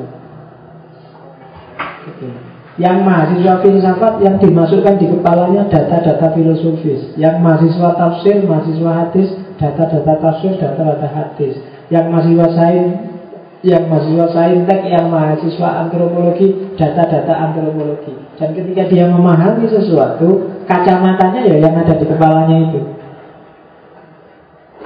Makanya sejak kemarin saya bilang hati-hati dengan yang kamu masukkan di kepala. Karena dia jadi kacamatamu melihat segala hal. Kalau tiap hari kamu menet dan melihat file-file yang itu, nah itu kacamatamu itu jadi melihat perempuan itu yang terbayang itu terus. Kenapa? Karena kacamatamu itu. Saya tidak tahu di kampus ada iklan itu. Silahkan bikin filmmu sendiri. Itu iklannya itu. Oh itu kon film dewe. Biasanya lihat filmnya orang lain, baca itu di tembok ada iklan. Silahkan bikin filmmu sendiri. Ini aku ya jelas maksudnya apa. Jangan-jangan disuruh itu. Iya. Jadi Fahadu, apa yang ada di kepalamu Itu akan jadi alat buat Yang kedua Forsih, apa yang kamu lihat? Meskipun lihat film yang gitu-gitu Tapi sebenarnya kamu tidak melihat itunya. Cuma kamu melihat misalnya apa ya? Kira-kira model tempat tidur yang disukai orang barat apa ya? Nah jadi kamu lihat tadi buat tontonin cuma kasurnya aja. Oh kasurnya kayak gitu. Itu menentukan pemahaman juga kan? Subjektivitas juga.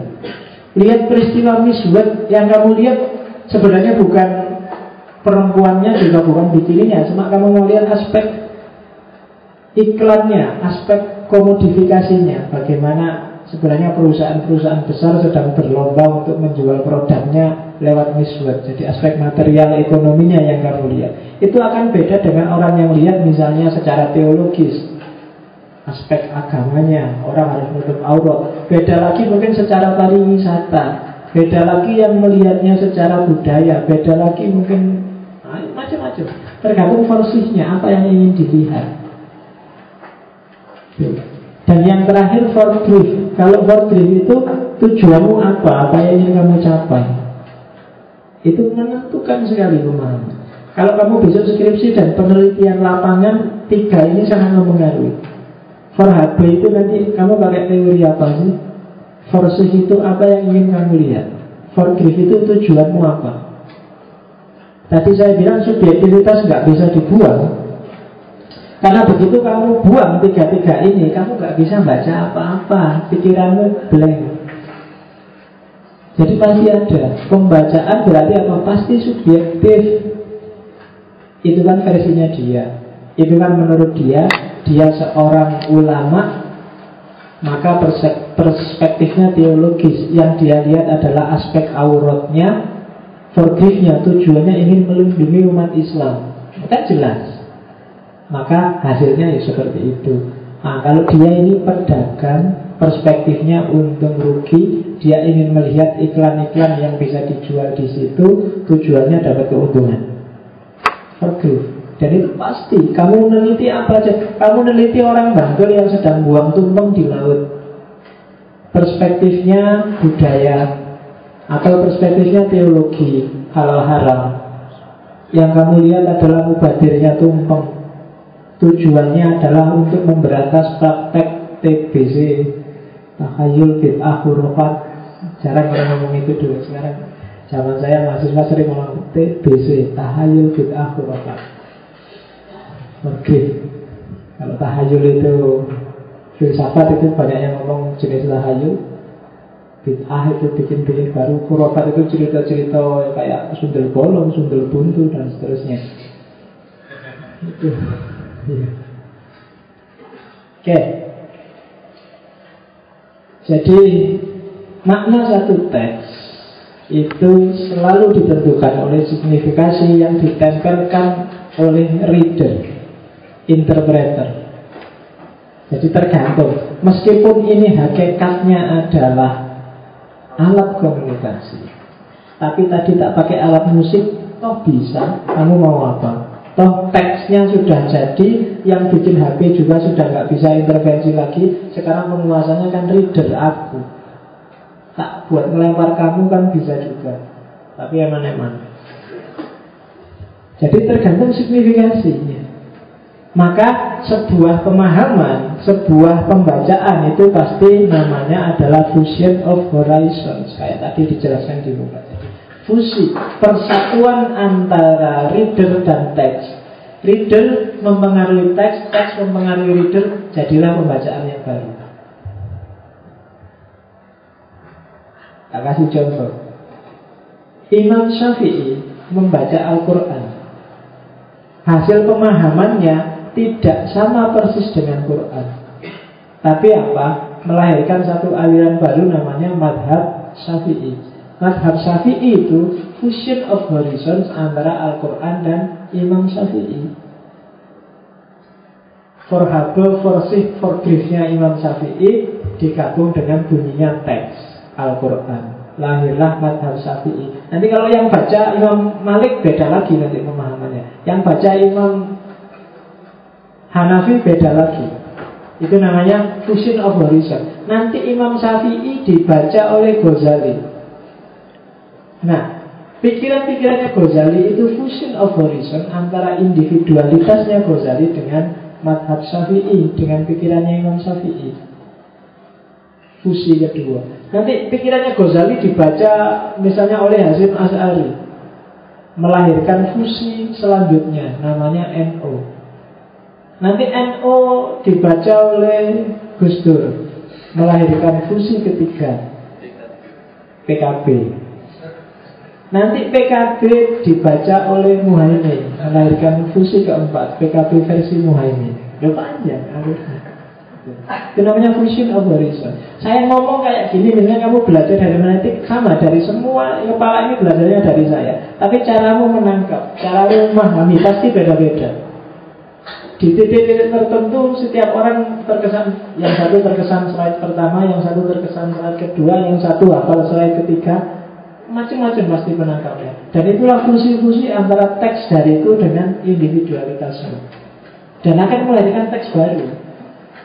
Saya baca buku hermeneutik, lahirlah teks seperti ini. Itu tidak bersama persis dengan teks yang saya baca, tapi teks yang sudah tak olah versiku.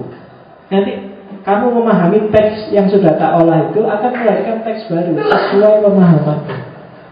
Itulah fusion of horizons, proses berpikirnya manusia. Oke ya, sudah malam. Eh, saya agak cepat. Semakin malam semakin filosofis. Biar kamu nggak ngantuk pokoknya.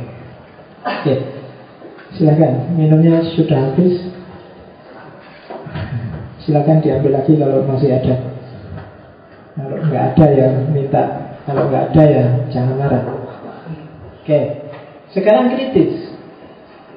Kritis sebenarnya ini sebenarnya tidak mau nyari jalur ketiga. Kritis itu cuma membaca model pertama tadi yang objektif bahwa makna ada di author dan model kedua makna ada di reader. Kata hermeneutika kritis, loh, memang pemahaman itu kadang-kadang kayak gitu. Maknanya kadang ada di author, kadang ada di reader. Yang menentukan bukan readernya apa authornya, tapi kepentingannya apa dulu. Itu katanya hermeneutika kritis. Kepentingannya apa sih?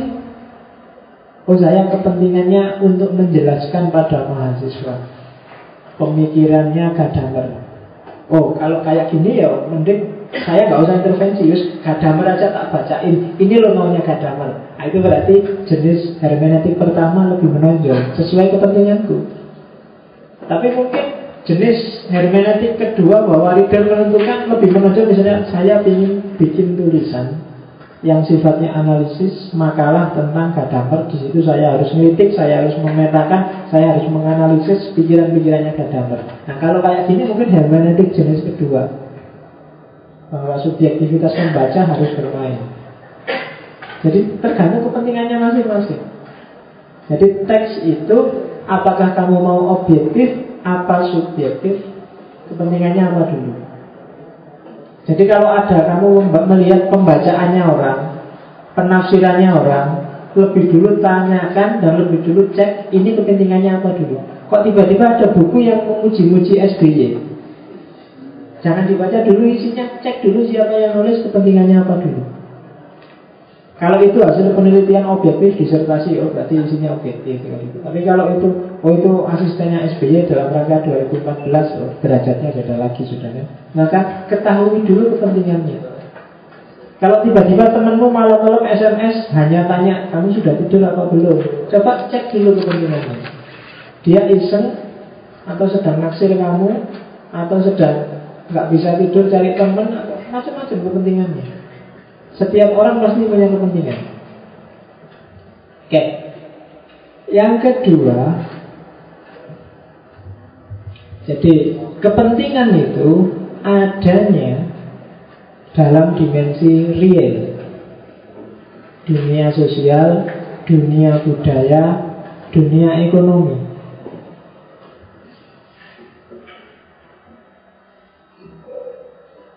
Jadi Coba cek secara sosial, secara budaya, secara politik, secara ekonomi Teks itu arahnya ke mana? Kepentingannya apa?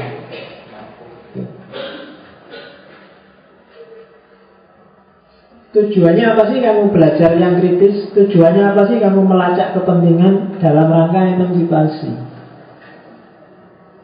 Di dalam rangka memahami dan mengerti Kemudian emansipasi itu berarti apa? Cari alternatif lebih baik. Oh kalau kepentingannya itu membacanya harus ini. Oh kalau kepentingannya ini membacanya harus itu. Itu emansipasi. Yang selama ini kurang pas. Yang pas itu begini. Kalau tujuannya ke sana loh. Nah itu tujuannya hermeneutika kritis. Kamu kritisi kepentingannya, kemudian kamu tawarkan solusinya. Biar hermeneutika kritis. Coba dicek ada kepentingan apa di situ, dimensi sosial, budaya, politik, ekonomi yang ada di situ apa, terus analisis aspek emansipasinya. Wah, harusnya begini, harusnya begitu. Itu hermeneutika kritis, tokohnya Habermas.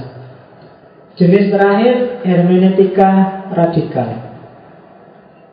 Orang kadang menyebutnya kalau bukan lagi hermeneutik tapi post hermeneutik. Tokohnya para filosof post strukturalis, Foucault, Derrida, filosof postmodern kalau kayak Lyotard atau post metafisik kayak Caputo. Asumsinya cuma satu di hermeneutika radikal. Pemahaman itu bisa subjektif, bisa objektif, bisa punya seribu satu kepentingan karena memang tidak ada kebenaran yang universal. Kebenaran itu bisa memang ada di autornya, bisa memang benar-benar ada di subjeknya, bukan karena kepentingan. Bisa ada di seribu satu kepentingan tadi. Kenapa sih? Karena segala sesuatu itu maknanya tergantung pada relasinya. Tak kasih contoh. Teh ini kalau relasinya kamu sambungkan dengan aku, maka ini adalah minuman. Kalau kamu sambungkan dengan takmir masjid, teh ini bukan minuman tapi pekerjaan karena dia terpaksa harus bikin teh ini. Kalau saya sambungkan dengan pabrik teh, maka ini adalah produk, jualan. Kalau saya sambungkan dengan apa? Apa wis? Uh, perusahaan air minum, nah, maka ini penghalang produk karena bikin sendiri harusnya beli yang sudah jadi itu yang sudah plastikan misalnya. Tergantung kamu sambungkan ke mana. Makna selalu ada dalam relasi. Tidak pernah dia A maknanya B Tapi A sehubungan dengan B Dia bermakna C Tapi A sehubungan dengan C Dia bermakna D Let eh, HP aja HP ini alat komunikasi Kalau dihubungkan dengan fungsi dasarnya tapi dia mungkin nggak cuma alat komunikasi. Kalau dilihat dari gaya hidup, maka dia sebenarnya cuma gengsi dan gaya. Kalau dilihat dari aspek pabrik HP, dia ini komoditas. Kalau dilihat dari tukang servis HP, ini rezeki. Kalau dihubungkan dengan itu banyak. Tergantung kamu hubungan ke mana. Gitu. Kayak tadi misalnya pertanyaan tentang pacar. Pacar itu kalau dihubungkan dengan apa ya? Pacar itu hubungannya sama apa wis? Sama studi, mungkin dia pendukung atau penghalang studi. Tapi kalau dihubungkan dengan tren mungkin dia gaya hidup masa kini. Kalau dihubungkan dengan agama teologis mungkin dia sesuatu yang dilarang. Kalau dihubungkan dengan naluri fitrah laki-laki dan perempuan mungkin dia sesuatu yang alami. Kalau dihubung selalu Jadi tidak ada makna itu tunggal A sama dengan B. Makna selalu berada dalam jaringan. Nah kita selama ini itu terkungkung oleh relasi tunggal.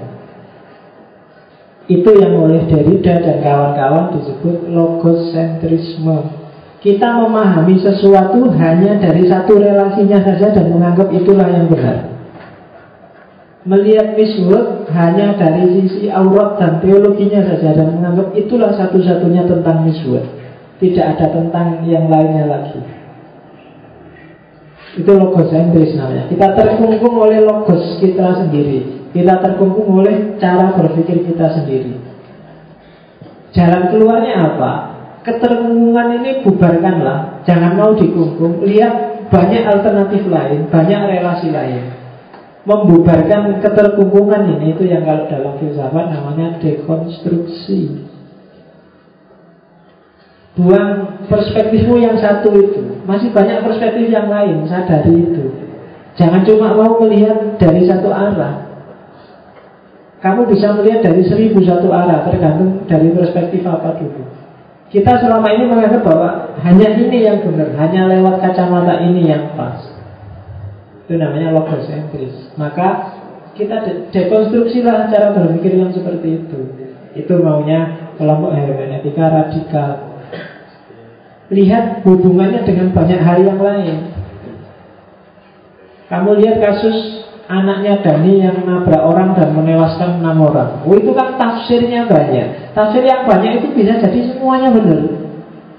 Kenapa? Karena masing-masing menarik relasi sesuai dengan yang dia inginkan. Yang satu menghubungkannya dengan undang-undang lalu lintas Yang satu menghubungkannya dengan kemanusiaan Yang satu menghubungkannya dengan kepengasuhan anak Yang satu sesuai ditarik ke mana kasus itu?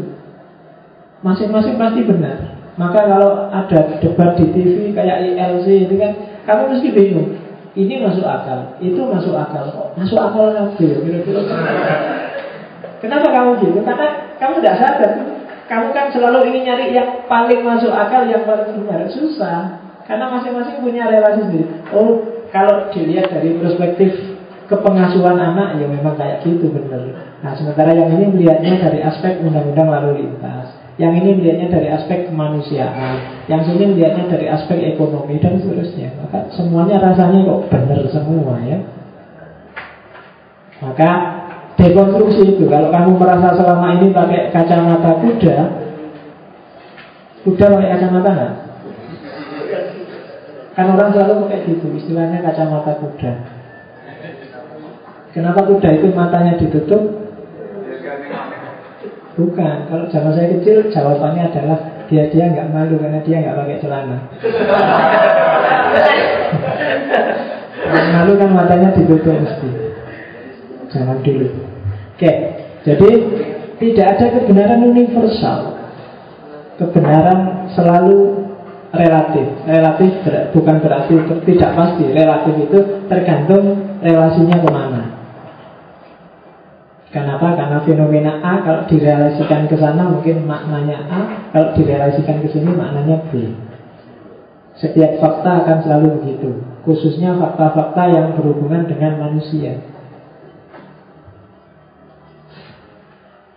Dan terakhir aja ini. Sebenarnya ada ini, tapi next time kalau saya ngomong tentang filsafat agama, saya akan nyentuh ini. Tapi untuk sementara ini dulu. Maka dari semua yang saya jelaskan di depan, secara umum patternnya, polanya seperti itu. Alur kerjanya dimulai dari yang konservatif, berakhir di radikal. Yang pertama-tama pasti ada adalah fenomena sosial budaya. Semua hal pasti berawal dari fenomena sosial budaya. Karena di luar itu berarti dunia yang tidak bisa diakses. Yang bisa kamu akses adalah fenomena. Yang sejati, yang hakiki kamu tidak akan tahu. Yang pertama kali mampir di indramu, di kepalamu, di akalmu itu fenomenanya. Nah, fenomena kalau itu kamu baca, maka menjelmalah dia menjadi teks ada banyak fenomena di sekelilingmu, tapi tidak semuanya jadi teks. Yang jadi teks adalah yang kamu baca dan kamu pahami. Baik tertulis maupun tidak tertulis.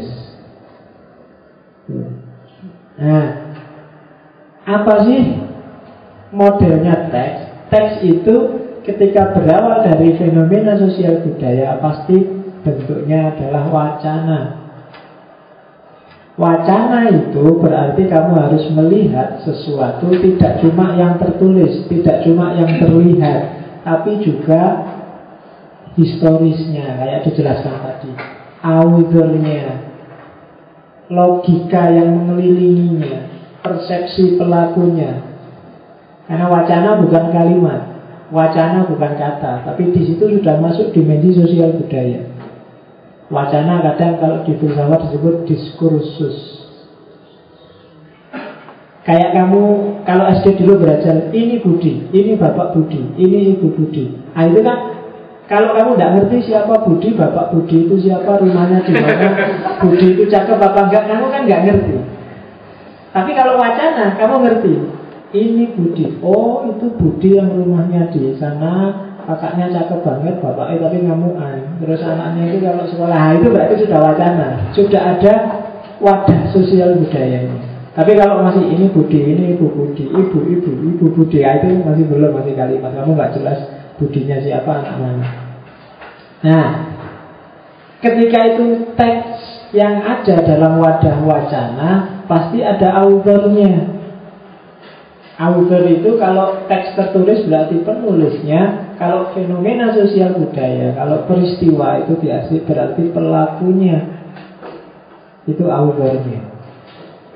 Nah Pengarang atau pelaku Itu ketika teks lahir Kalau tertulis berarti tulisannya jadi. Kalau peristiwa-peristiwanya selesai Yang terjadi apa dengan si author? Namanya distansi Distansi itu ada jarak sudah antara distance bahasa Inggris ada jarak antara teks dengan si pengarang ini, si penulis ini, si pelaku ini. Gitu. Misalnya si Dul yang sekarang sedang di rumah sakit itu bangun kemudian dia apa cerita? Sebenarnya yang diomong koran nggak begitu yang diomong peristiwanya nggak kayak gitu. Dia susah sudah kontrol opini itu kenapa? Karena teksnya sudah jadi orang sudah nafsir macam-macam sudah. Kenapa bisa orang nafsir macam-macam? Karena begitu teks lahir begitu peristiwa terjadi sudah ada jarak antara teks dengan autornya nanti ada beberapa film yang bilang bahkan author sudah mati. Begitu teks lahir kalau saya nulis buku, bukuku dicetak, diterbitkan Terus ke, orang yang baca buku itu punya pemahaman A, punya pemahaman B yang beda-beda, yang tidak sama dengan mauku. Aku tidak bisa apa-apa. Kenapa? Karena teksnya sudah otonom. Sudah di luar diriku yang ngarang sudah. Aku nulis I love you hanya sekedar untuk contoh. Tapi mungkin dua tiga orang, dua tiga generasi yang akan datang maunya oh, ini yang nulis agak genit ini. Padahal mungkin mau tidak gitu. Tapi orang memahaminya gitu. Semua contoh yang lain bisa mesti contohnya pakai I love you, I love you. Itu mesti orangnya agak genit. Nah, kenapa padahal mau pun tidak gitu? Kenapa kok aku tidak bisa kontrol pemahamannya orang? Ya karena sudah ada jarak. Begitu teks lahir, aku sudah tidak punya kuasa apa-apa pada teks.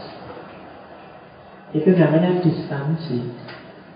Nah, ada teks, ada author, pada gilirannya kan akan dibaca orang, dibaca oleh reader.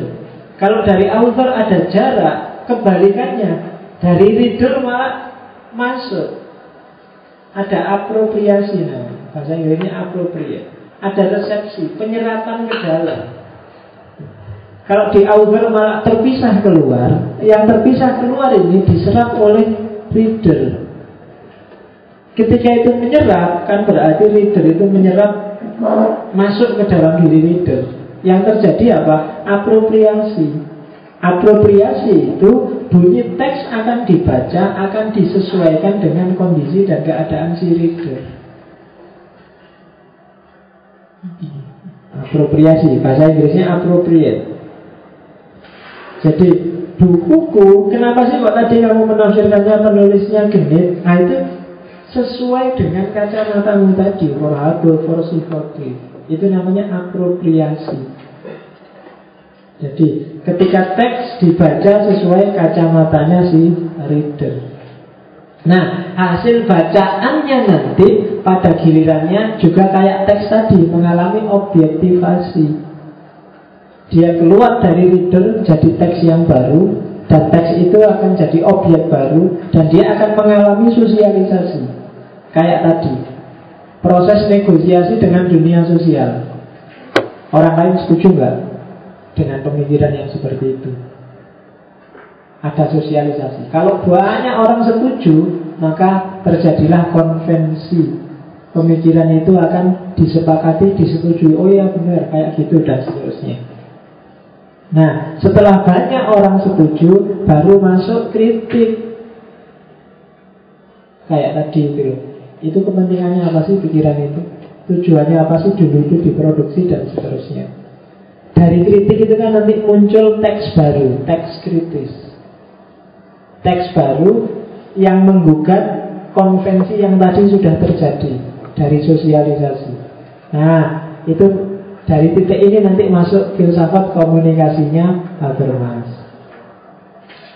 Oh, Menurut saya orang Indonesia itu jangan memelihara fakir miskin dong Dia harus memberantas fakir miskin. Nah, jalan masuknya agar ide ini diterima Komunikasi. Gitu loh. Sosialisasikan idemu Buat semua orang ngerti Jelaskan apa maumu. Itu komunikasi. Yo nanti panjang teori filsafat komunikasinya Tapi maunya ke situ. Syaratnya komunikasi adalah ruang publiknya harus sehat Ruang publik sehat itu orang bebas ngomong tanpa harus banyak batasan. Saya nggak tahu ruang publik di sini sehat nggak. Ruang publik nggak sehat itu, misalnya masih tanya Pak, udahlah kamu nggak usah tanya. Aku kan lebih pinter, mana saja kamu, ngapain pakai tanya-tanya. Sudah diam aja, kan gitu. Dulu saya punya dosen kayak gitu jangan satu kalau ada yang tanya, nggak ada di buku kok ditanya ini aja. Ngajarnya kan dia cuma baca buku Jadi kalau ada yang tanya mesti gitu. Eh tanya aneh-aneh Ngapain sih? Nggak ada di ujian misalnya. Nah, Itu berarti apa? Ruang publiknya nggak sehat. Kamu nggak bisa tanya. Nah negosiasi di ruang publik inilah nanti kuncinya. Kalau sukses Maka akan lahir konvensi baru Kesepakatan baru. Itulah nanti terjadi namanya emansipasi. Ada peningkatan jadi level sosialnya naik. Dari tidak rasional jadi rasional. Dari rasional jadi lebih rasional lagi. Terjadi emansipasi. Lewat jalan komunikasi, hasil dari kritik terhadap konvensi, yang konvensi itu hasil pembacaan reader, hasil apropriasinya terhadap teks yang dihasilkan oleh author yang telah mengalami distansi. Yang teks itu awalnya adalah fenomena sosial budaya. Nah, itulah circle pemahaman. Oke. Alhamdulillah hermeneutik sampai titik. Saya khawatirnya tadi sudah malam baru komat. Silakan kalau ada pertanyaan, tanggapan, gugatan, sanggahan yang belum dipahami bagian mana. Ya, ketika kamu paham ini dan kemarin yang logika juga sudah paham, maka siap-siap minggu depan kita benar-benar masuk ke isu-isu kefilsafatan. Akan saya mulai dari dunia ontologi.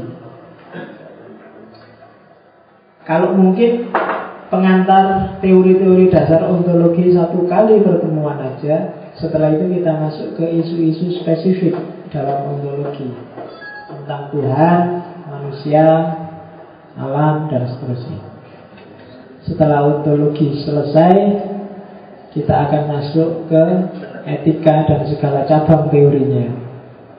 Etika dan segala cabangnya selesai, kita masuk ke yang paling rumit, estetika.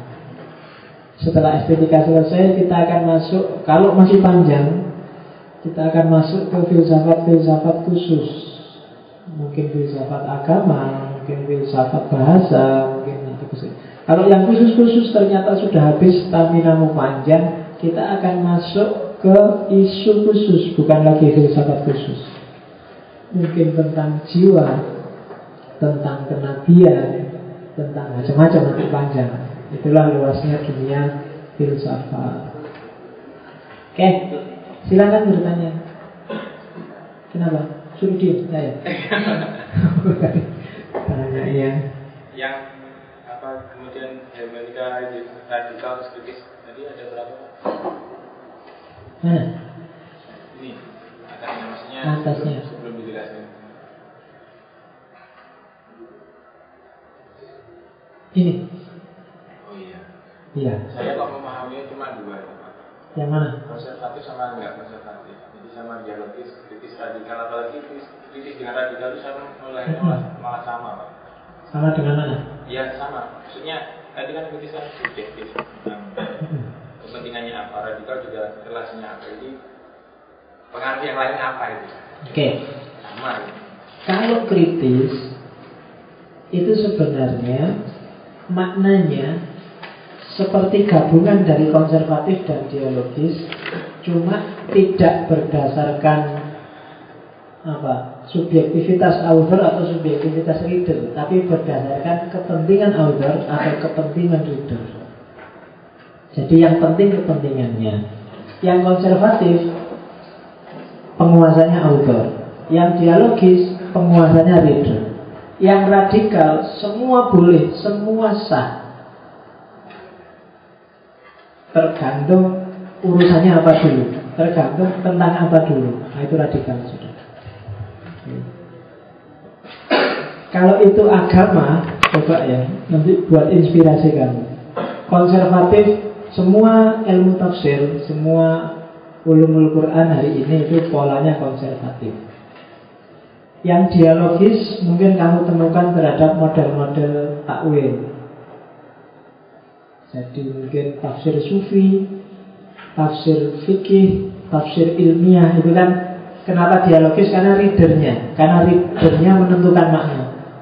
Kalau readernya seorang ahli sufi, lahirlah tafsir sufi. Kalau lahirnya seorang ahli fikih, lahirlah tafsir fikih, tafsir hukmi. Kalau lahir mufasirnya seorang ilmuwan, lahirlah tafsir saintifik. Nah itu hermeneutika dialogis. Polanya cenderung ke takwil. Kalau yang kritis itu banyak dikaji di hermeneutika-hermeneutika baru, tafsir-tafsir kontemporer yang biasanya banyak terpengaruh tradisi-tradisi Marxisme, tradisi-tradisi hermeneutik modern seperti Hasan Hanafi, Fazlur Rahman dan kawan-kawan. Jadi melihat bukan melihat sebenarnya tafsir itu bukan apa makna sejati ayat, tapi apa kepentingan orang yang nafsir. Dan yang radikal ada beberapa mufasir baru yang cenderung radikal bahwa bilang maknanya ayat itu tidak ada satupun yang pasti. Mungkin kalian menyebut beberapa lah tokoh Islam liberal yang punya haluan radikal. Jadi tergantung mufasirnya kayak gimana. Mungkin kadang konservatif, kadang dialogis, kadang kritis. Tergantung arahnya ke mana, relasinya ke mana. Itu kalau di agama. Tapi dalam hidup sehari-hari sebenarnya pola ini saling silang senggarut. Kadang-kadang kalian berpola konservatif, dialogis, kritis, radikal, macam-macam. Ada lagi. Pak, kalau biasanya kendala-kendala apa atau bias apa yang sering terjadi dalam proses tafsir hermeneutik ini?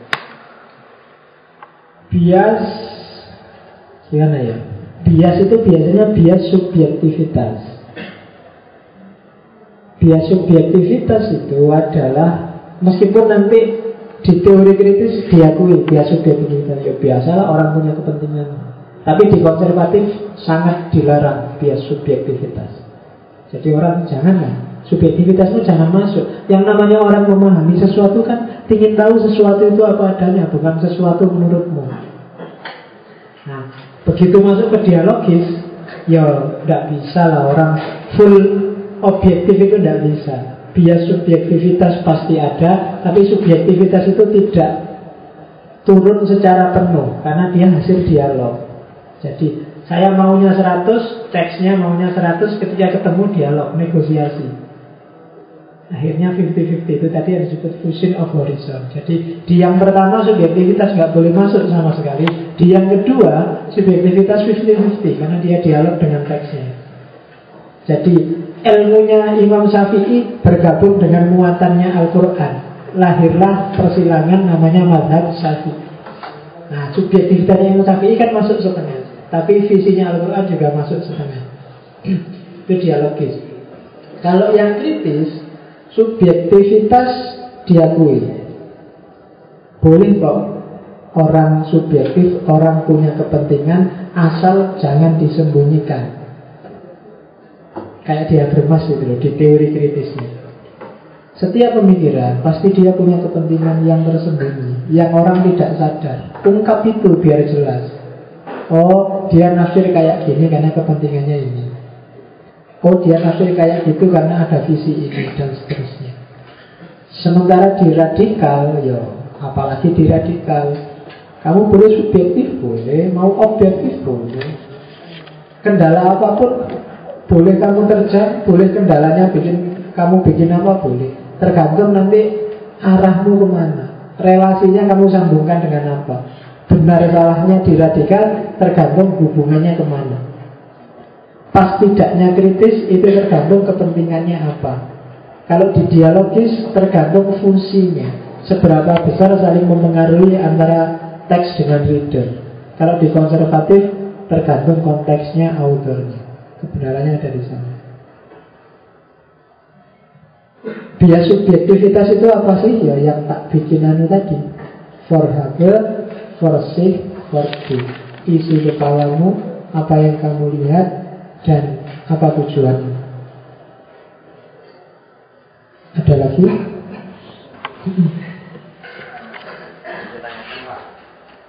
Jadi dalam hermeneutika konservatif ini tidak mengikuti pola umum, jadi berhenti di out outdoor. Iya. Enggak, enggak lurus sampai ke bawah. Enggak. Enggak ya. Jadi reader nggak boleh intervensi. Jadi makna itu objektif.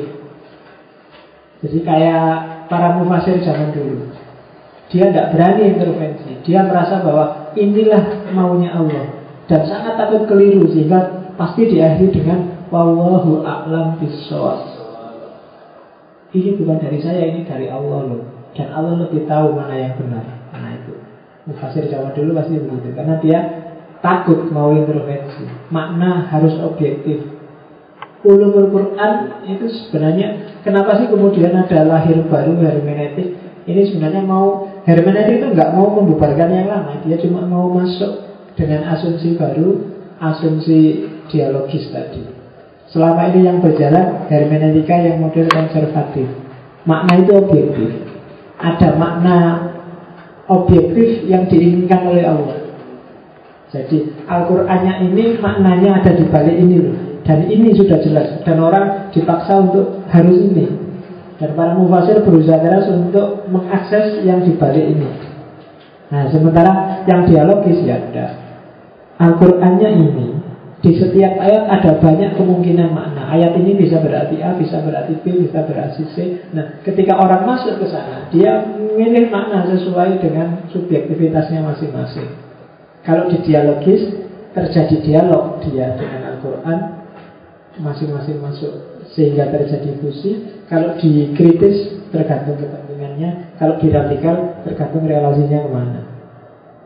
Itu yang terjadi dengan dunia tafsir. Jadi ada potensi makna banyak dari satu teks. Ayat ini bisa berarti A, B, C, D, E. Saya mengartikannya A. Kenapa A itu sejauh yang saya pahami A itu yang bagus. A itu berarti dialog. Sejauh yang kamu pahami berarti dialog antara maumu dengan teks Quran. Atau saya maunya C. Kenapa? Karena tujuan saya ingin menjelaskan tentang ini. Berarti ada kepentingan di situ ada ada dimensi kepentingan bermain ketika kamu memahami C. Saya memahami D. Kenapa? Karena menurut saya dari sisi ini ya, itu berarti ada relasi. Jadi pilihan-pilihan makna banyak dari satu ayat. Nah tergantung kamu aksesnya ke mana. Yo kayak ayat poligami tadi kan bahwa kadang-kadang itu perspektif guyonan kan gitu bahwa berarti surga itu harus istrinya banyak dan kalau cuma tahta akdamil Umi kan ibunya satu itu kan ummahat berarti ibunya banyak dong. Nah itu kan ada kepentingan di situ yang bermain atau ada relasi. Ya kalau dilihat dari sisi itu ya itu kalau yang radikal. Tapi kalau yang konservatif nggak boleh yang kayak gitu. Kenapa? Ada makna objektifnya. Kita nggak boleh sembarangan dan kita harus mengejar yang objektif itu. Nah itu di hermeneutika konservatif. Yang benar yang mana? Wow, wow. saya nggak ngomong yang benar yang mana, saya cuma ngasih wawasan kamu perspektif-perspektif tentang cara membaca teks. Kalau saya ngomong teks, jangan kesusu bilang itu barang tertulis. Seperti saya bilang, teks itu pasti sifatnya wacana dan berasal dari fenomena sosial budaya, bisa tertulis, bisa peristiwa. Oke, okay? Sudah ya sudah malam ngantuk nanti malam kamu harus tahajud.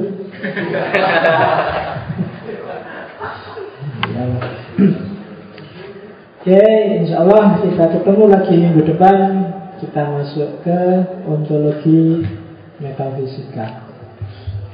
Kita, kalau ini masih bulat di dunia fisik Otak besok agak metafisik. Kita mulai latihan berpikir spekulatif ab abstrak Kemarin yang sudah fotokopi buku para pencari Tuhan bisa dibaca-baca dikit-dikit. Cuma saya nggak masih lama ke situnya. Cuma ya beberapa asumsi metafisika kan nanti arahnya sebenarnya sama. Oke, kalau sudah saya akhiri sekian. Wallahu a'lam bishawab. Assalamualaikum warahmatullahi wabarakatuh.